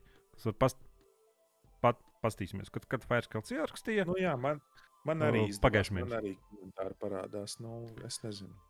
Jā, varbūt vajag iziet un iet pa jaunu kontā, jo es uh, vienā brīdī izdzēsu daudz botus, kopā ar Renāru. Un, uh, Jā. jā, un uh, iespējams, ka vajag vai nu izveidot jaunu kontu, vai arī iziet ārā, izdzēst kukīs kaut ko tamlīdzīgu. Jo Nu, cik es sapratu, viņš no vairākiem pārlūkiem bija mēģinājis, bet nu, jā, nu, mūsu galā, ja mēs to nevaram atrast problēmu, saprotiet, ka to es programmēju pirms uh, entajiem gadiem. Un tagad es no PHP programmēšanas valodas uh, ne tikai nevēlos viņu zināt, bet arī neko nezinu no viņas. Kaut arī varētu Renāram iedot, lai viņš uh, sataisa, bet uh, es negribu, lai cits cilvēks redz manu kodu, jo man liekas, tad viņu novērt, novērtējums par manu personību stipri kritīsies. Un es pat nezinu, vai viņi man gribēs pēc tam uz ielas sveicināt vai vispār ar maniem runāt. Eh, Kā jau kārtīgiem, kārtīgiem koderiem pienākas. Nu, jā. Bet, nu- Īsāk sakot, komentārus jā, jāatstāj. Vislabāk atstāt pie podkāstu YouTube. Man varētu jaunu mājaslapu uztaisīt, bet es, um, es nezinu, vai, vai jēga. Varētu. Varētu, jā. Bez fóruma, bez nekā. Slikt, slikt nebūt, varētu. Bet, nu, labi, to jau kaut kad jā. apdomās, aprunā, aprunās. Jā, Kādu laiku atpakaļ taps raksts vienā Latvijas spēļu vietnē par patentu un nemesis sistēmu? Ah, jā, zinu, par ko ir runa. Kāds ir jums par šo? Tas tāpat kā, kā mūža patentēja spēles ielādes ekrānos. eh, Piemēram, nezinu, tu varētu ping-pong paspēlēt, kamēr spēle lādējās. Tas, vairs, tas mūsdienās vairs nav aktuāli, vai ne? Bet kādreiz Playstation 3 Atceros, nopērts, tur minūte lādējās spēle. Un tad, uh, jā, un nemesis sistēma tas ir Mordor. Kā, kāds sauc to spēli? Shadow Mordor. Shadow. Mordor, jā. Tur. Uh, interesanta sistēma. Vienreiz to spēli var izspēlēt. Patentēt kaut ko tādu. Man liekas, ir pilnīgākais debilisms. Tāpat kā ielādes ekrānos, ka nevar būt kaut kāds ping-pong stulbs. Uh, uh, Man liekas, ka tā ir tāda lieta, nu labi. Viņu saukt par nemēsis sistēmu citā spēlē, nu jā, to varētu neļaut. Bet vispār tāda sistēma, ka tevī kāds uh, pretinieks, ko tu neesi novācis, nu, tajā uh, Shadow of Mordor laikam tu viņus novāc, viņi varēja pēc tam atzīties, vai es, es neatceros, kā viņi tur Nē, ka tu nogali viņš samazinājās rankā. Tad tu varēji ķipa, savu troli tur iebīdīt augstākā rankā. Nu, tur tāds interesants okay. sistēma katrā ziņā. Nu, jā, ja, ja viņi vispār to kaut ko tam līdzīgu aizliegtu, citiem izmantot, tas man šķiet būt nepamatot. Tas ļoti ierobežotu um, cit, citu izstrādātāju iespējas veidot kaut kādas arī atvērtās pasaules spēles. Jo man liekas, labi, kaut kas tāds nav iepriekš, vismaz es nezinu, vai ir un kur ir izmantots. Bet uh, man liekas, tā būtu ļoti, ļoti laba lieta, ar ko citiem citu spēļu izstrādātājiem paeksperimentēt tieši atvērtās pasaules spēlēs. Ka vienkārši, ja tikai tie, kam ir tas uh, nemēsis sistēma, ja tikai viņi drīkstētu tā, tādu veidu sistēmu lietot savā spēlēs, tas būtu man šķiet ļoti negodīgi un nepamatot, jo tā jau nav tāda ļoti specifiska lieta. Tā ir tāda, nezinu, ikdienišķa lieta. Nu, tu ikdienā kādu satiec, tev, tev rodas par viņu kaut kāds priekšstats. Un tas pats arī spēlēs, ja kāds, ja kāds ieliktu sistēmu izstrādāt, kur tu nezinu, pacīnies ar kaut kādu pretinieku, beigās tu izdomā, nē, šitais man sados pa biksēm, es no viņa aizmukšu, un viņš pēc tam tev kaut kā citādāk izturās pret tevi. Vai viņš, viņš ir spēcīgāks, kļuvis tādēļ, ka viņš tev ir, ir mm. padzimis no kara lauka. Nu, nezinu. Nē, no vienas puses viņi pasargā savu kreativitāti, jo tā ir vienīgā interesantā lieta šajā spēlē. Es atvainojos. eh, Vispārējais tur ir, um, rupi sakot, uh, standarts. Tur vispār nekā unikāla nav tajā spēlē, izņemot tās sistēmas. Bet tā pašā laikā nezinu, patentēšu braukšanu video spēlēs. Nu, ķipā, Nu, tas ir, tas ir cik, cik, cik plaši viņi vēlas to, nezinu, cik visaptveroši tas patents ir. jā, Ja tas ir tieši tādā implementācijā, kā viņi ir uztaisījuši, ok, nu, lai ir. Bet, ja sāks pēc tam, ja kāds uztaisīs kaut ko nedaudz līdzīgi tam, un tad viņi uzreiz sāks bļaut, o, mums ir patents uz šo. Nu, tas gan nav, nav forši. Nezinu. Viņi īstenībā ir mīksti. Viņiem bail no konkurences, īsāk sakot. Viņiem bija bail, ka kāds uztaisīs labāk par viņiem tādu sistēmu. Nu, jā. Mīkstie vienkārši. Bez, va bez variantiem vienkārši. Kādas spēles relīzes jūs gaidiet visvairāk šogad? Mēs par to tēmu šodien vairākas reizes esam redzējuši. Es vispār neko negaidu. Es nezinu, neesmu sakojis līdzi, kas iznāks. Tāpēc, ka... Nav laika un negribu baigi sahaipot. Es ti, tikko iedomājos, ja kaut kad uh, Dying Light 2 iznāks. Es nezinu, vai plānot šogad vai pēc pieciem gadiem. Nu, tā ir spēle, ko es gribētu uzspēlēt, bet Ah, nu, pareizi. Vēl, vēl jau ir tas, ka, tu, tas, ka viņi plāno, viņi izdod, un viņi pasaka, ka tas ir izdošanas datums. Tas jau nenozīmē, ka viņi tiks izdots tajā datumā. nu, jā. Uh, Cyberpunk. uh, tur Jā. man, man kad, kā tagad es pamanu jaunas foršas spēles, piemēram, kā tas bija ar Valhemu. Pagājušas pāris nedēļas, cilvēki ir izspēlējuši. Lielākie bagi ir, uh, kaut arī viņi ir alfā, ir izspēlējuši. Es skatos, ka cilvēkiem ir interese. Cilvēki joprojām saka, ka tā ir laba spēle, un tad es tikai vispār kaut kādas interesi par to spēli sāku izrādīt. Mhm. Tāpēc, ka būt par uh, testētāju, es ar savu budžetu nevaru atļauties. Tre, tre, traileri ir, uh, spēlēm ir pilnīgi bezjēdzīgi. Un citi ir. Uh, nē, īstenībā ir jēdzīgi traileri. Citi ir tādi traileri, ka tu uzreiz skaidri saproti, ka es to sūdu vairs nekad mūžā negribu redzēt. Neiet jūs visi. Uh, bet, ir jau arī traileri, kas parāda, parāda labu spēli un, un atbilstoši. Man liekas, tiem pašiem Doom Eternal. jā, nē, nu Bet- labi, du, Dūms. Nu, jā. tas, tas bija savādāk. Tāpat kā Resident Evil 8. Es zināju, ka, uh, sep, ja es biju izspēlējis 7. es paskatījos traileru 8. spēli, izskatījās ļoti līdzvērtīgi. Es zinu, ka man 7. Resident Evil patiks. Tad arī 8. noteikti būs labs. Bet, uh, bet viņš varēja būt pilnīgākā čērņa. Piemēram, ja spēlētāji būtu nezinu, ielikuši tur Resident Evil 8 kopiņu iekšā, ja kaut kādu izdomājuši, ka multiplayer viens spēlētāja režīmu spēlē ir ļoti svarīgs. Ir.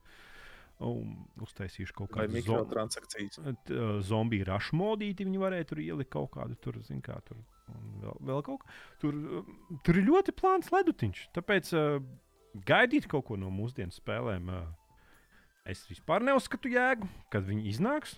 Tu paskaties. Uh, var, vismaz sagaidi kaut kādus apskatus? Es, ap, es apskatu arī pat. Es, es, vienkār- nu, es esmu video spēļu komunā.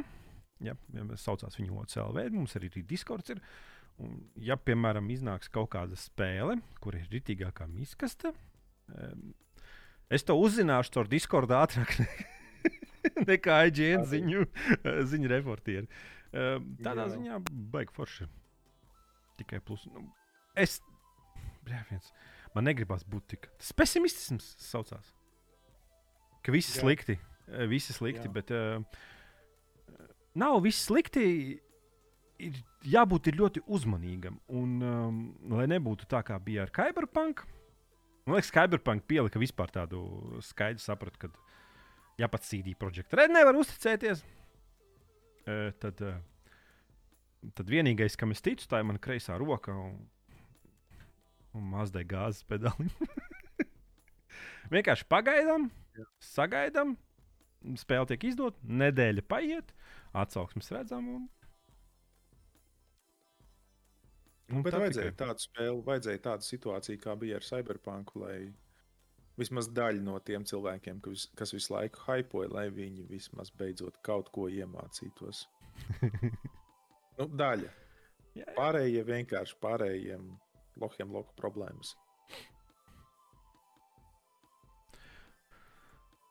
Mm, mm, mm. Tā, kas mums tur tālāk ir? Didzis. Dīdzis. Viņš teica, vispār Dīdzis ir samulsis. Viņš teica, ka viņš rakstīs katru dienu, kamēr neiznāks uh, jauns podkāsts. Tā kā Dīdzis mm. Vienkārši mīnus par to. Viņš teica, ka viņš rakstīs katru dienu jaunu komentāru. Viņš nav izpildījis. Labāk, labāk nepierunā. Tā kā? Nākošais pēc trīs mēnešiem podkāsts vispār būs sešos no rīta sāksim un tad beigsim vēl naktī. Bet, nu, vīrs un vārds. kas Skaidrs, ka pat ne spēlēm nevar uzticēties, ne Digim arī nevar uzticēties. Sanāk. Ievēroju Vito tvītu par mēs gribam par to runāt podkāstā. Tu izlaidi vienu jautājumu. Kur? Vai jums ir prātā kāds spēļu žanrs, kas pēdējā laikā ir aizmirsts un būtu vēlams, ka tajā iznāktu kāda jauna kvalitatīva spēle? Jā, saucās stratēģijas. Es ļoti gribētu kaut vienu spēli, kā Starcraft, tikpat kvalitatīvu, kā otrais Starcraft. Diemžēl mm. mēs nesagaidīsim, tāpēc ka uh, naudas tajā žanrā nav un nebūs. Reālā laika stratēģija. Nu, ko tu varētu pieminēt? Par stratēģijām runājot, nu labi, tas nav gluži atbildi uz šo jautājumu. Es gribētu, lai, lai Zero ID izstrādātāji saņem bikses rokās. Un, Nu, un bet tā viņiem neko tālāk, lai nemaksā. Viņi nav spiesti to darīt. Viņi... Jā, vienkārši skumji redzēt, ka tik eh, spēle ar tādu potenciālu ir vienkārši kāka. Un ka tur cilvēkiem vienkārši prioritātes ir galīgi sajauktas. Jā, Bet um, hobiji. es gribētu kaut kādu ļoti specifisku kaut ko tajā Hentai. pašā ar, Keinum stilā. Nē, Hentē jau pilns, pilns stīms. Ar, tajā- ar kēnumu. ar Keinumu tā, tādu veidu RPG spēli. Jo es vienkārši, es, jāatzīst, es neesmu baigi cītīgi meklējis, bet neesmu ievērojis pēdējā laikā, kad būtu kāda RPG spēle ar tādu pasauli un. Jā. Es vienkārši gribētu ar Keinumu remasteru. Nevajag, nevajag citas spēles tajā žanrā, vienkārši uztaisiet remasteru tajā spēlē. Lūdzu. nezinu, vai, vai, vai, vai Trojka games noteikti jau vairs neeksistē. Tie jau man šķiet sen beidza pastāvēt. Jā. Bet tā nav neviens īsts žanrs, kur kāda jauna.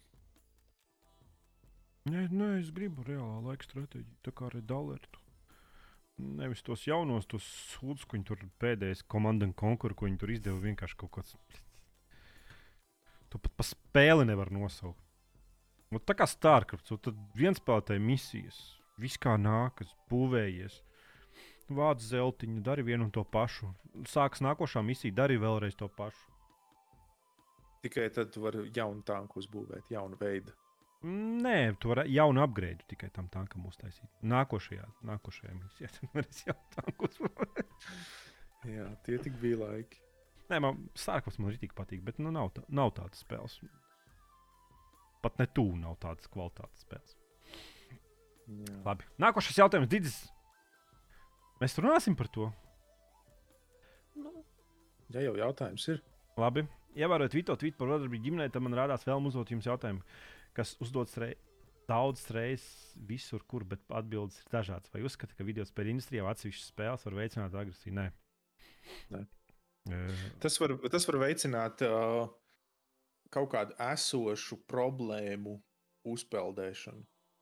Man liekas, mēs par šo esam iepriekš runājuši, un es vēl joprojām uzskatu, ka, ja cilvēkam ir kaut kādas, uh, kaut kāda iekšēja iemesla, tur būt agresīvam un tā tālāk, tad vienalga, vai tās būs datorspēles vai, vai kas, nu, tā kā ir visi tie tur, uh, skolu šāvēji un viss.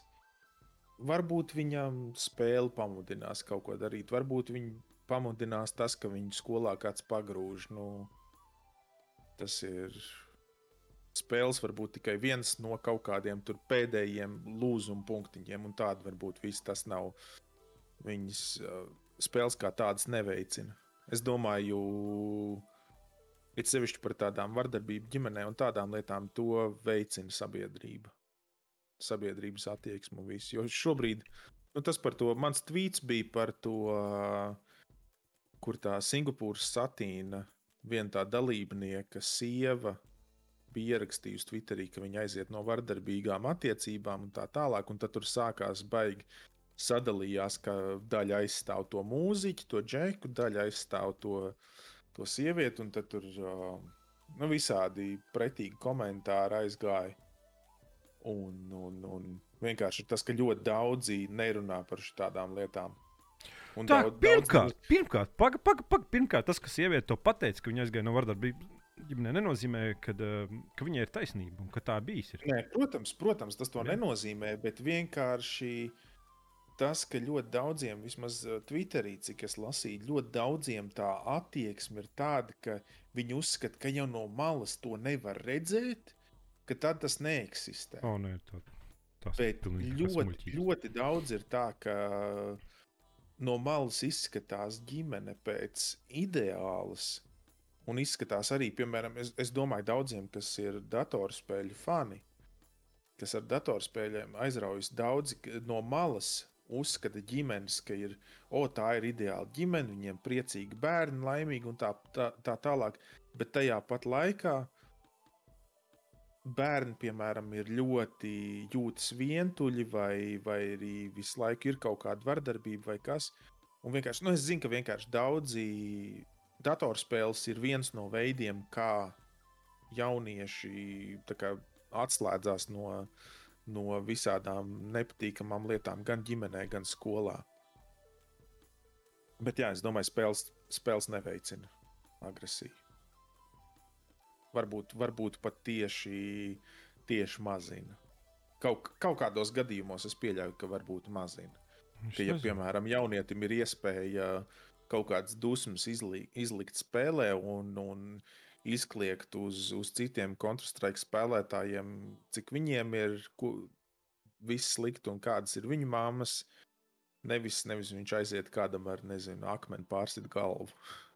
Nē, nu, nu, nu kā, nu, nezinu, kaut kāds 13 gadīgais jau var jau saspēlēties Mortal Kombat un tad iziet ārā citam 13 gadīgam ievilkt pa, pa pakalsi. Bet, tīri, tīri.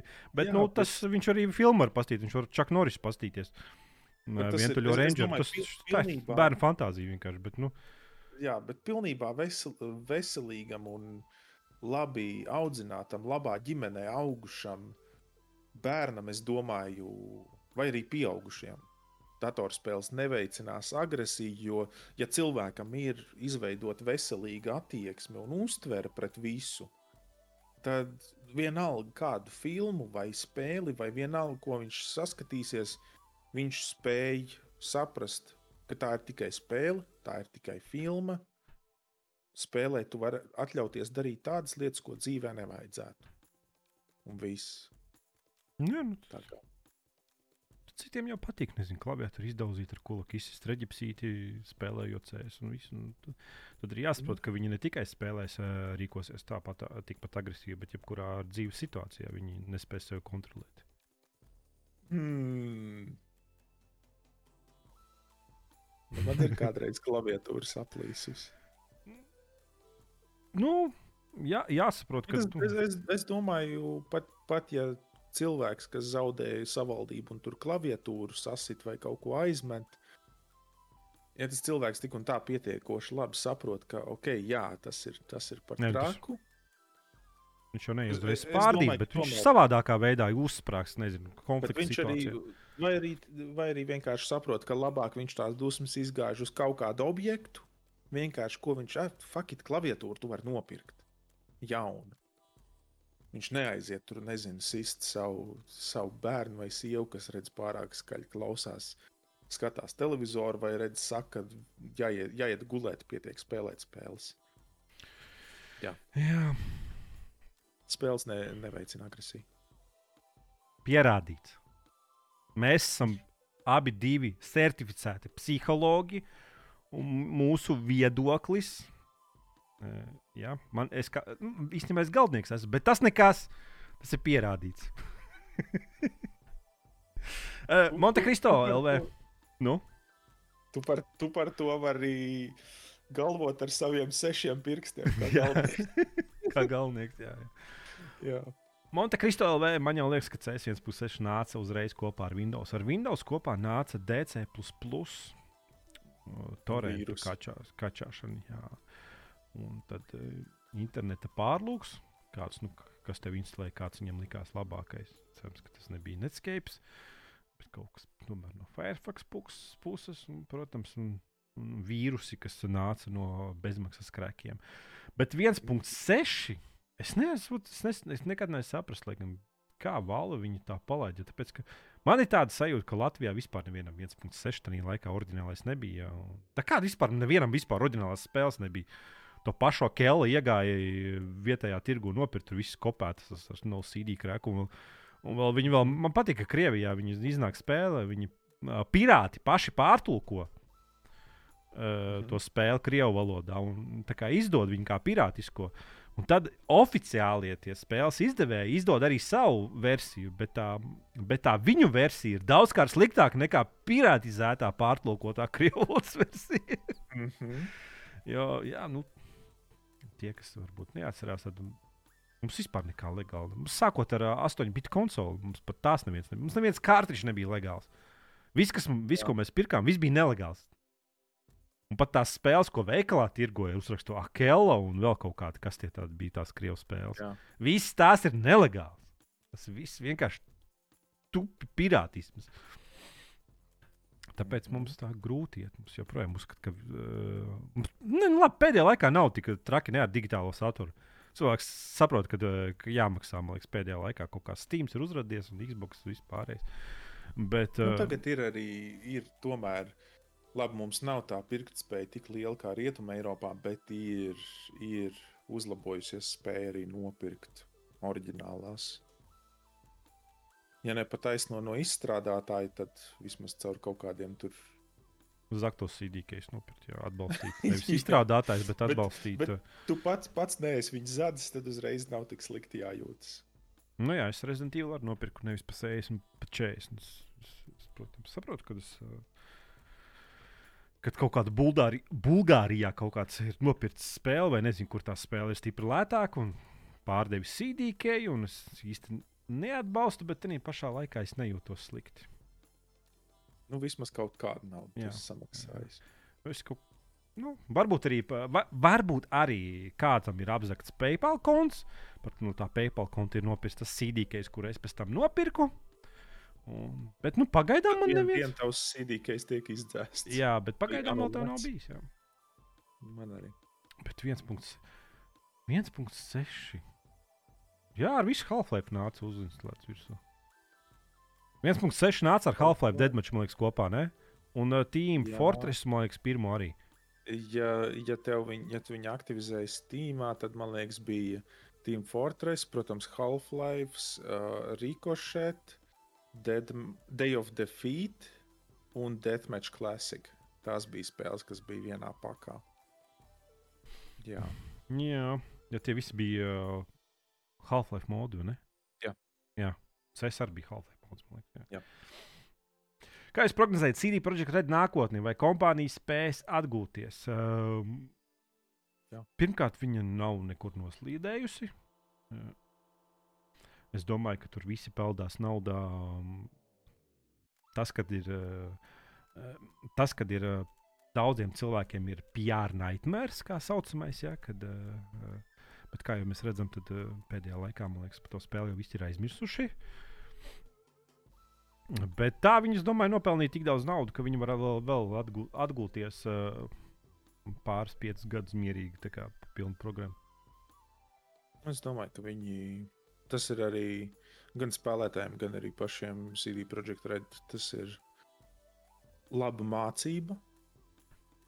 Un es domāju, viņi, viņiem jau nav mazinājusies viņu spēja veidot labas spēles.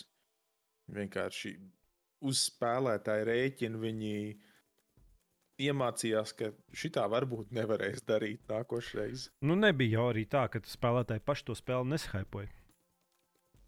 Pārdabiski. Likās, ka tur Jānu Rīgas ienāca vienkārši jo ar breathtaking un visi tur pēkšņi viena roka paliek aizņemta. Uh, Uģis Lipsta būtu labāk remake uztaisījuši Bullfrog Games Dungeon Keeper. Uztaisīja Dungeon Keeperam remake kā free-to-play mobīlo spēli. Ar to arī apsveicam. Tas bija nožēlojamākais uh, gājiens, kādu varēja izdarīt. Bet Bullfrog spēles iegames iznīcināja, tā kā mēs ner neredzēsim vairs ne Team Parku, kas viņam vēl, kas viņam, viņam daudz bija labas spēles. Viņiem bija Hospital, Team Hospital. jā, Teams Hospital. Bullfrog spēlē vēl bija tāda spēle, kur bija jābūvē mājiņas. Tur bija kas sanāk. Tu, tu būvēji mājiņas un cīnījies ar citiem uh, mājiņu būvētājiem. Es nezinu, kā tā spēlē. Viņiem ļoti daudz bija labas spēles, īstenībā tādas. Bet uh, viss tur viss nomiris un taisa mobilās spēles, jo vispār eksistē. Vispār. Iegājums vienu brīdi patika katru gadu nopirkt vairākas spēļu studijas. Laimīgā kārtā viņus nogremdēt un atlaist visus. Uztaisīt free to play versijas viņu slavenajām spēlēm. Dungeon Keepers, jā, tā ir ļoti populāra spēle. Nepārāk plašā lokā man viņa ļoti patika. Uh, saku, bet uztaisīja. Nu, ķipā, tur uh, Dungeon Keeper, zini, kas tā ir? Nezinu. Es zinu, es, man patīk tā ideja, bet es nekad neesmu viņu izmēģinājis. Nu, jā, ka tu esi ģipa, ļaunais un tavā salā ir dungeon crawler tikai no otras puses. Jā, jā, jā. jā. Un tad, nu, tad iedomājieties, ka tur ir alas jārok, ir, jā, un tad tev ir mobilā spēle, kur tu piespied rakt. Tad tev tur, protams, lai izraktu to kubiciņu, tev jāgaida ir desmit stundas, bet tu, protams, vari nopirkt kristāliņus pa 5 eiro un divreiz ātrāk izrakt to, ka, to kubiciņu, kas ir. Um... Vienkārši met maku pret telefonu. Un un tu esi labākais spēlētājs. Tā kā jā, Uģi, lejuplādē to spēli. Noteikti, noteikti tev viņa patiks un sabojā savu mīlestību pret šo francīzu līdz galam. Pirmais dislaiks podkāstam nopelnīts. Didis! Kāda ir jūsu nostāja pret hypu gaidāmajām spēlēm? Vai to var regulēt? Uh, nevar regulēt. Vienkārši, ja mēs runājam, pagaidām izlasīšu jautājumu līdz galam. Jau... Kāda ir spēles veidotāja loma tajā, vai to var novērst, vai spēlētāji paši ir vainīgi, kas spēlē ir hype? Jā, novērst nevar, tāpēc ka uh, Cyberpunks iznāca tādā laikā no tik slaveniem izstrādātājiem, kas visu dod pa veltu un ir labākie. Sasolīja viņa ļoti daudz, bet gameri piedomāja vēl divreiz vairāk.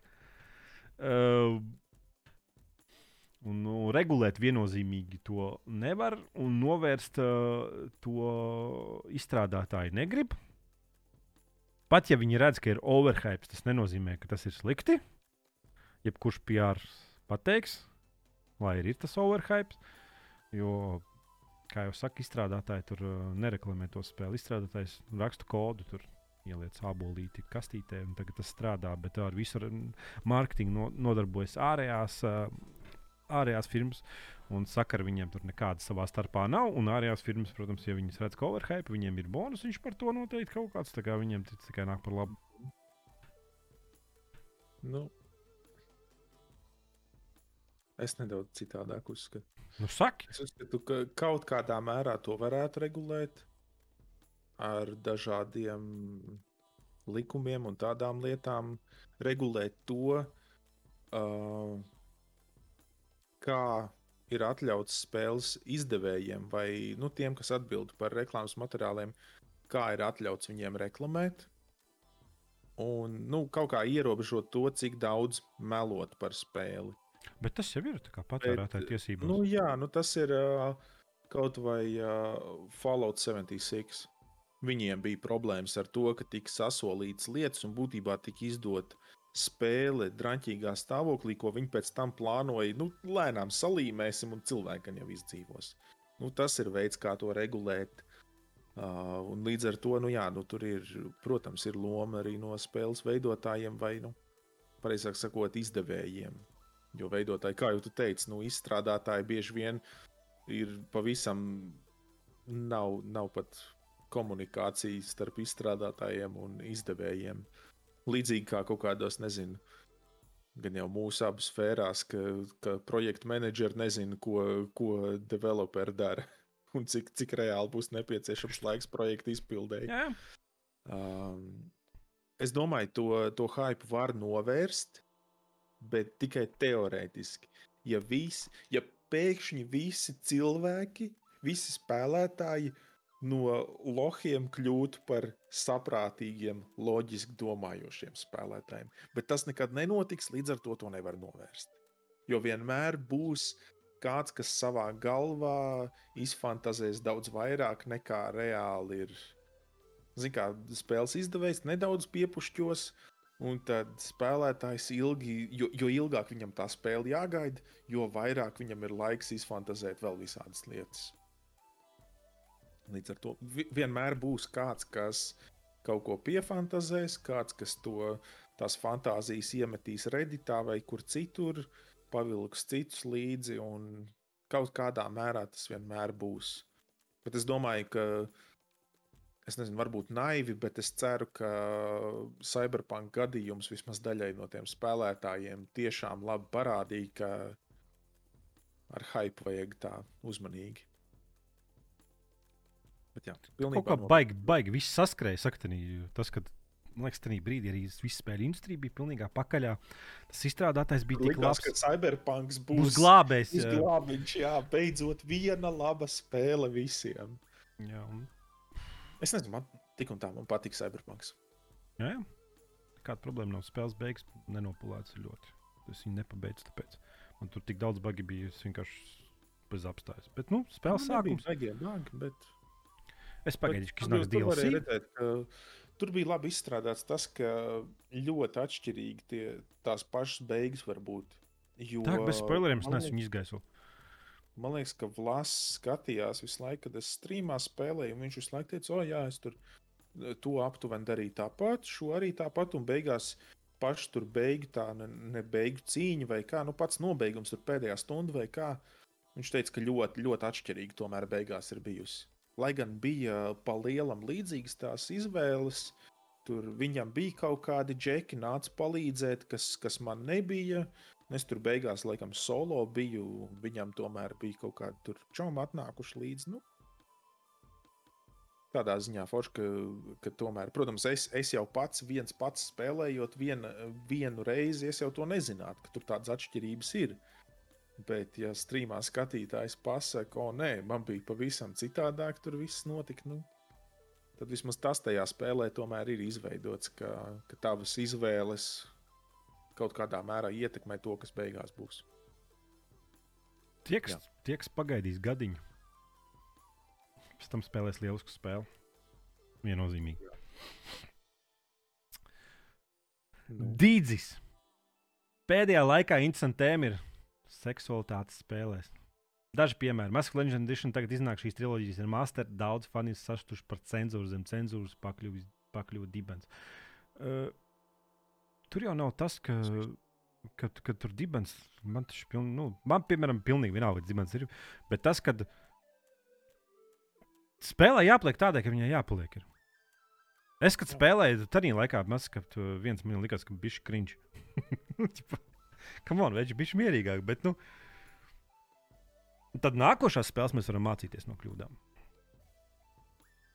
Ir vienkārši vecākiem jāaudzina bērni jā, jā, jā, jāmācās no, nodalīt dzīvi no, no spēles. Nu, nu, jā, nu, dibeni spēlē. Ak, nē, cilvēkiem arī ir dibeni. Tiešām. Nē, drīz, drīz mums vajadzēs staigāt garajās kleitās. Tad, kad sieviete parādīs potīti, tad visi tur kritīs. Tev, tev vajadzēs staigāt garajā kleitā. Nē, vīri. Nezinu, tas, tas, tas nezinu, atnāca kaut kāda feministiska. Ņemās, feministe. ņemās lietām, kas nav svarīgas. Vispār, jā. Marks Kens ir izteicis asu kritiku par cenzūru Diablo 2 Resurrected. Runa ir par to, ka cenzūra ir liks samazināt seksualitāti. Diablo 2 seksualitāti. Nu, Diablo 2 jau ir kaut kāds, jā, tas atjaunotā versija. Es nezinu, par ko ir runa. Es nezinu, kas par cenzūru. Kā var būt Diablo 2 jau... seksualitāte? Kāda? Es, es varu iedomāties, kas tur ir tā ir RPG spēle, tur ir arī sieviešu. Uh, samazināt izmēru. Nē, nē, nē, varbūt arī. Bet sieviešu, uh, kā to tagad sauc, es aizmirsu, sieviešu dzimumu mm. pārstāvi. Mm. Un tu zini, kā ir RPG spēlēs ar bruņām. À. Ja tu esi vīrietis, spēlē tev rītīgās bruņas, viss aizsardz no pleciem līdz, viss, līdz nabai, viss ir biezās bruņās. Ja tu izvēlēsies sievieti un pāris lentītes te pāri, tās ir arī piln, pilnvērtīgas bruņas skaitās. Diablo 2. Es, es, es nezinu, vai tas, tas ir Diablo 2 gadījums, bet es kaut kā. Man ir aizdoms, ka tas varētu būt tas, ka vienkārši uz, uztaisījuši, lai bruņas nosedz visus apaļumus. Un... Esmu izgājis vairākas reizes Diablo. spēli. Un, uh, nevienā mirklī nevarēja iedomāties, ka tur ir arī kaut kas seksīgs. Tas vispār viss brūns un brūnāks. Monstrs skraida klapē. Nu. Watchdog Legion. Te fani sūdzās, ka atvērtajā pasaulē zila nevar sastapt nevienu pievilcīgu sievieti. Kā jūs komentējat šo tēmu? Pirmkārt, pēc tam jāspēlē ir uh, pievilcīgs sieviete. A, ko darīt? Es saprotu, ka tur Francijā tie feministi visi spiež tev. Un, um, kā, ja tu pat pa daudz pievērsīs uzmanību, viņi beigās vēl atnāks pārbaudīs visus papīrus, tev, vai tev viss kārtībā. Tad vēl izrādās, ka tu, kaut kāds um, čalīts tavā oficiālā ir apgrābstījis kaut ko, un tur ir um, to visu, lai neceltu gaisā, un tad, nezinu, tu vēl uztaisīsi seksīgas sievietes tajā franču oficiālā. Beigās viņa pacels gaisā, vispār nosauks visu par feministiem un pa pilnu klapu. es kaut ko sakrīgi pateicu visā tajā. Man liekas, tas, ka podkāsts jau divas stundas iet, tas tev negatīvi ietekmē. es pats apjuku klausoties, klausoties tevi. Tas ir atkarīgs no tā, cik ļoti HR departaments ir aktīvs un kāda veida cilvēki ir um, of, oficiāli. Jo, piemēram, varbūt uh, neteikšu pārstāvis, kas ir uh, nejūtas savā izskatā, cilvēks, kurš nejūtās savā izskatā pārliecināts. Un likt, redzēt spēlē skaistāku augumu, varētu būt nu, kā justies viņam slikti. Tā ir vienkārši kārtējā galējība. Jo, nu, Watchdogs, nu, labi, es nezinu, Watchdogs Legion, bet tās jau spēles, kur tomēr ir uzsvers arī uz to, lai, lai tie cilvēki liktos ticami. Un, un, un reālajā pasaulē, ja tu uztaisītu. Visi spēli, ir neglīti. Nē, nē, nē. Ja tu uztaisītu spēli, kur visas, visi cilvēki, sievietes, vīrieši ir vienkārši nu, nu, skaistu metālu, un tur staigā, tur nezinu, Brady Pitti un, un nezinu, Anģelīnas Džolijas un Megans. nu, labi, nu, nezinu, Megans Foks jaunībā. Un, nezinu, nu, nu, kas katram gaumas jautājums. Bet ja staigātu spēlē tikai super skaisti cilvēki liktos dīvaini. Un tas pats, ja, ja tur ir tikai vienkārši izcili neglīti cilvēki. Nu, jābūt ir balansam. Nu, tu izēji laukā, nu arī redzēsi gan skaistus cilvēkus, gan nepārāk skaistus. Nu, es nezinu, nu, iet bļaut, ak, nē, es uz ielas redzēju skaistu sievieti, tas ir tik slikti, šī pasaule ir tik slikta. Man apspiež. Jā, man apspiež. Es arī ēdu burgerī, kamēr man apspiež. Jā, nu, es nezinu, tā ir arī lieta, par ko.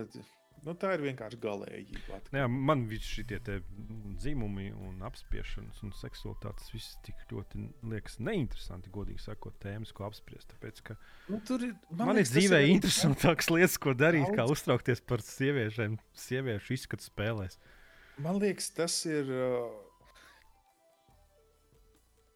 Tāpēc, ka daudzi nevēlas uh, pievērst uzmanību kaut kādām reālās dzīves problēmām vai kaut kā tam līdzīga. Nu, reāli, piemēram, vecāki, viņi tā vietā, lai vairāk pievērstu uzmanību bērniem un lai tie bērni nebūtu agresīvi, viņi noveļ vainu uz agresiju uz spēlēm. Un tas pats arī šeit, tā vietā, lai, lai, uh, lai attīstītu bērnos un vienkārši lai sabiedrībā attīstītu veselīgu attieksmi pret visiem dzimumiem. Tā vietā labāk ir koncentrēties uz to, ka, oh, nē, spēlē pārāk smug dibeni. Ir. Tas ir, man liekas, nu, idiotisms. Nu. Reāli, ja, ja, ja visi cilvēki normāli spētu nodalīt spēles, filmas un vispārējo no reālās dzīves, tad būtu vienalga, nu, spēlēs kaut vai tur pilnīgi pliki viss staigā pa ielām. Tā nebūtu problēma. Tā ir vienkārši, man liekas, nezinu, uzmanības novēršana no, no svarīgām lietām uz mazsvarīgākām. Kaut ko es gribēju teikt, bet laikam labāk nē. Jā, garš podkāsts. Divas stundas, 24 minūtes. Es domāju, ko es tāds, tāds uz beigām jau jūtu. Jau. Es skatos uz tevi, Marks, skatās ar aizdomīgām acīm. Jau. Mm -hmm. Nu jā, Dīdis ir mums, mums pamudinājis kārtīgi parunāt. Sidequest. Par to, ka sačakrāta remaster tālu no jāmeklē Warcraft 3 reformēties, tas Warcraft 3 vispār bija. Tad, kad spēle zaudē lielu daļu funkcionalitātes un piedāvā piedāvājums atšķirīgi ordināli. Un man liekas, Warcraft 3 reformēšanas bija tā, ka tu pat vairs pie ordināla vairs netika. Man liekas, ka bija tā, ka tu uzspies. Mm. Ja pat tev bija ordināla versija, viņa iznāca jaunā, un tu mēs ordinālais netiec. Kaut kas tāds bija. Jā. Es pirms kāda laika, es, es tur komentāros jau, man liekas, arī rakstīju atbildēju uz side- SideQuest šo komentāru. Ka mēs arī ar Renāru, man šķiet, tieši gribējām uzspēlēt Warcraft oriģinālo trešo, un nav tādas opcijas.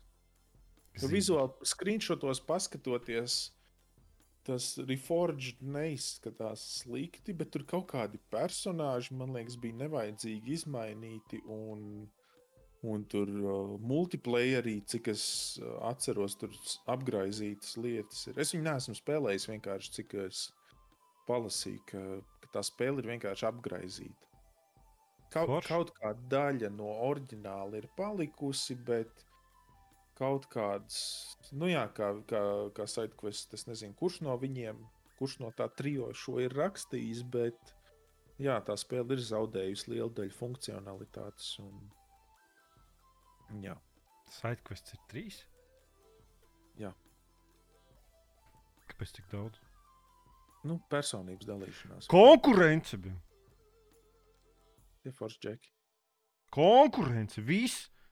Rakstīšu Twitterī, ka, ka viņi atbalsta dibenu, iz, dibenu izmērus, paliek pārāk liels. Dīdis raksta, kāda ļaužu grupa ir. Kāda ļaužu grupa ir iesniegusi tiesas prasību, tiesā prasību pret Sony, ka tie neļauj Placēta spēles digitālā formātā tirgot nekur citur, kā tikai Placēta storē. Tiek uzskatīts, ka tādējādi šī joma ir monopolizēta un jau tagad spēles disks formātā neliet, nelietotas mēdz būt lētāks par digitālā veida nopērkumu. Uh, Nepērc konsoli, ja tu negribi pirkt tikai Sony spēles. Tiesas lēmums pašlaik ir grūti. Ir tiesa lēmumu pašlaik ir grūti paredzēt, bet juristi uzskata, ka šai prāvai var būt interesants perspektīva. Kāda ir jūsu domas par šo? Man liekas, tagad ir ar Apple noteikti tas pats. Uh, kad uh, visām te ar Google Marketplace arī ar Google ir vēl sliktāk, ka viņi kā atvērta opera. Ne, bet viņi pat nav atvērti. Viņi daļēji atvērti, man liekas, ir uh, Android ir atvērti. Ka tu nedrīkst uzstādīt citus uh, marketplace. Mhm. Savu, jā. nu, Sony, es nezinu, kas notiktu, ja tagad um, es kā patērētājs negribētu, kad uh, Sony mā, uh, uz Playstation varētu uzlikt, ko tu gribi. Es varu iedomāties, cik tur būtu free, free to play, Fortnite, V-Bucks, download nav un viss pārējais. Mhm. No vienas puses, uh, es saprotu, ka platformām jābūt ir slēgtām, uh, kontrolētām, bet no otras puses, jā, kad produkts kļūst par tādu masveidu, kā, nezinu, kā Android telefonu, eh, diezgan stulbi, ka Google viņus ierobežo. Nu, par to Playstation es domāju, nu, tur ir gan plusi, gan mīnusi. Nu, ja var tirgot tikai tajā Playstation store, nu, pirmais ir, tu vienmēr zini, ka tā tad būs oriģināla, tas nebūs kaut kāds zaktais CD-key un tā tālāk. Bet tāpat laikā, ja digitālā formā varētu tās spēles tirgot arī citur, tas tas uh, būtu izdevīgāk patērētājiem. Tas būtu riskantāk visiem, bet tas būtu izdevīgāk, jo tas uh, turētu ļaut samazināt cenas. Vai precīzāk sakot, spiestu samazināt cenas, jo būtu konkurence. Ja tur, jo, jo ja tagad, ja tikai tās spēles var nopirkt Playstation Store, tad, nu jā, monopols tiešām, nu, viņi var likt kādu cenu grib. Nu, protams, tu vari pirkt arī disku, ja spēle ir pieejama disku formātā, bet, ja nē, tad, Vai arī, ja tu esi nopircis, taču Playstation nāk tagad uh, gan diska, gan bez diska mm. -hmm. versijās. Piektais, jā, jā. Tu esi nopircis bez diska versiju, un tad, uh, jā, drāmīgi. It sevišķi, ja tev ir pazīstami uh, PC gameri, kas redz, pasaka, o, jā, es aizgāju Kingvinā, nopirku spēli par, nezinu, piecas reizes lētāk nekā, nekā oficiālajā veikalā. Bet, nu, labi, tur, tur, tur ir atkal risks, ka tas, ka tas CDK ir ar, nezinu, zaktu kartu pirkts vai kaut kā tam līdzīga, bet, jā. Bet jāsaprot jau tas, ka, piemēram, nezinu, to pašu Sony Playstation 5 konsoli, konsoli tiek tirgota ar mīnusiem. Viņi uz hardware neko neuz... It īpaši pašā sākumā. Kad iznāks jau Playstation 5 kaut kāda light versija, otrā versija, trešā, tā jau var būt sāks vai nu samazinās cenu, vai jau sāks kaut kādu arī kapeiku nopelnīt no, un, no tās konsoles tirgošanas. Un tad viņi cer, ka tu pirksi spēles no Sony un tad viņi dabūs savu naudu atpakaļ. Tā kā tas viss, ir, viss tur ir iestrādāts. Jā. Tur ir divējādi, saka, man divējādas domas. No vienas puses, jā, es saprotu, ka, ka jābūt visam atvērtam, no otras puses, uh, nepatīk, nepēc. Jā. Bet tāpat laikā tie cilvēki, kas, kas, kas nevar atļauties pilno nu, tā, kā, tā vienu pārdevēju cenu samaksāt, tas atkal tāpat laikā atņemtu daudziem, daudziem cilvēkiem iespējas tās, tās, tās, tās, tās spēles spēlēt vispār. Baigi sarežģīti. Nē, bet kat, katrā ziņā es nezinu, tas uh, Sony un Microsoft tie marketplace, man liekas, viņi tīri sakarīgi tādā ziņā uz konsolēm, kad es pirku spēles. Nu, nelikās, ka, es, ka, man, ka man ierobežot, protams, cena varētu būt lētāka. Bet, bet tad problēma ir vienkārši cenā, nevis uh, no kurienes tu viņus pēc. Ne, nu ir jau, protams, tie, kas. Nezinu, nu, labi, tas jau tikai PC gameriem, ka ir tie, kas domā, ah, ja es negribu tur instalēt vēl papildus bez Steam, vēl tur Epic Launcheri un, un Ubisoft mēs- Connect. Un, Uh -huh. nu, jā, bet tas ir. Tas ir katram vienkārši pieredums vai kaut kā tam līdzīga. Bet jā, galvenais jau ir noteicošais ir cena. Jā, nu, ja man vajadzētu kaut kādu Epic spriežot, Games vienalga, launcher, kur tu Pēc ga- galvenais, lai ir īstā spēle ar pilno funkcionalitāti un, un protams, lai uh, iesaistītās puses arī nopelna kaut ko. Nu, arī, lai tā nauda tiek līdz arī spēles veidotājiem. Tas jau ir tomēr svarīgi. Jā, ja man vajadzētu bez maksas lejuplādēt spēli no Epic Games Store. Es to nedarītu, tāpēc ka es negribu savu datoru redzēt Epic Games Store. Nu, jā. Es labāk tad ienāku Steamā, samaksāju 8 eiro un nopirku to spēli. Visu vīto jābeidz, ir divas stundas vairāk. jā. Vispār es sēžu bez enerģijas, bez ūdens. Ūdens manī vienkārši nav. Esmu. Jā. Man kakao jau sen beidzās. Es sēžu vienkārši brutāli, jau smirdu vienkārši, jau nosvīdis. Eh, Kārtīgs tēvains. Bet cik es ilgi to renderēšu? Jau Dīdis, lai raksta vēl komentārus. Pal paldies, Dīdzi. Pārējie arī Jā, komentārus. Vajadzēja- vajadzēja pagaidām labāk. rakstīt YouTube. Jā. Uh, vajadzēja pašā sākumā pateikt, ie, ieliec laiku, kas tur vēl bija jāsaka. Kaut kas vēl tur bija. Subscriberējies, ieslēdz zvaniņu, pievienojies Discordam, ziedonieri.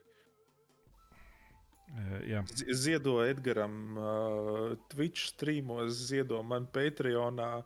Nieru nosūta uz uh, nierē atoc.lv. Es nezinu, kā viņi ieliks, bet tas nav svarīgi. Man, man uh, food pi pictures arī var sūtīt. Uh, ar to arī mēs beidzam šodien. Dieva dēļ tas bija pa garu. Tas bija pa garu. Sen nebija runāts. Kā man draugs saka. Paldies! Visu. Uz redzēšanos! Jā.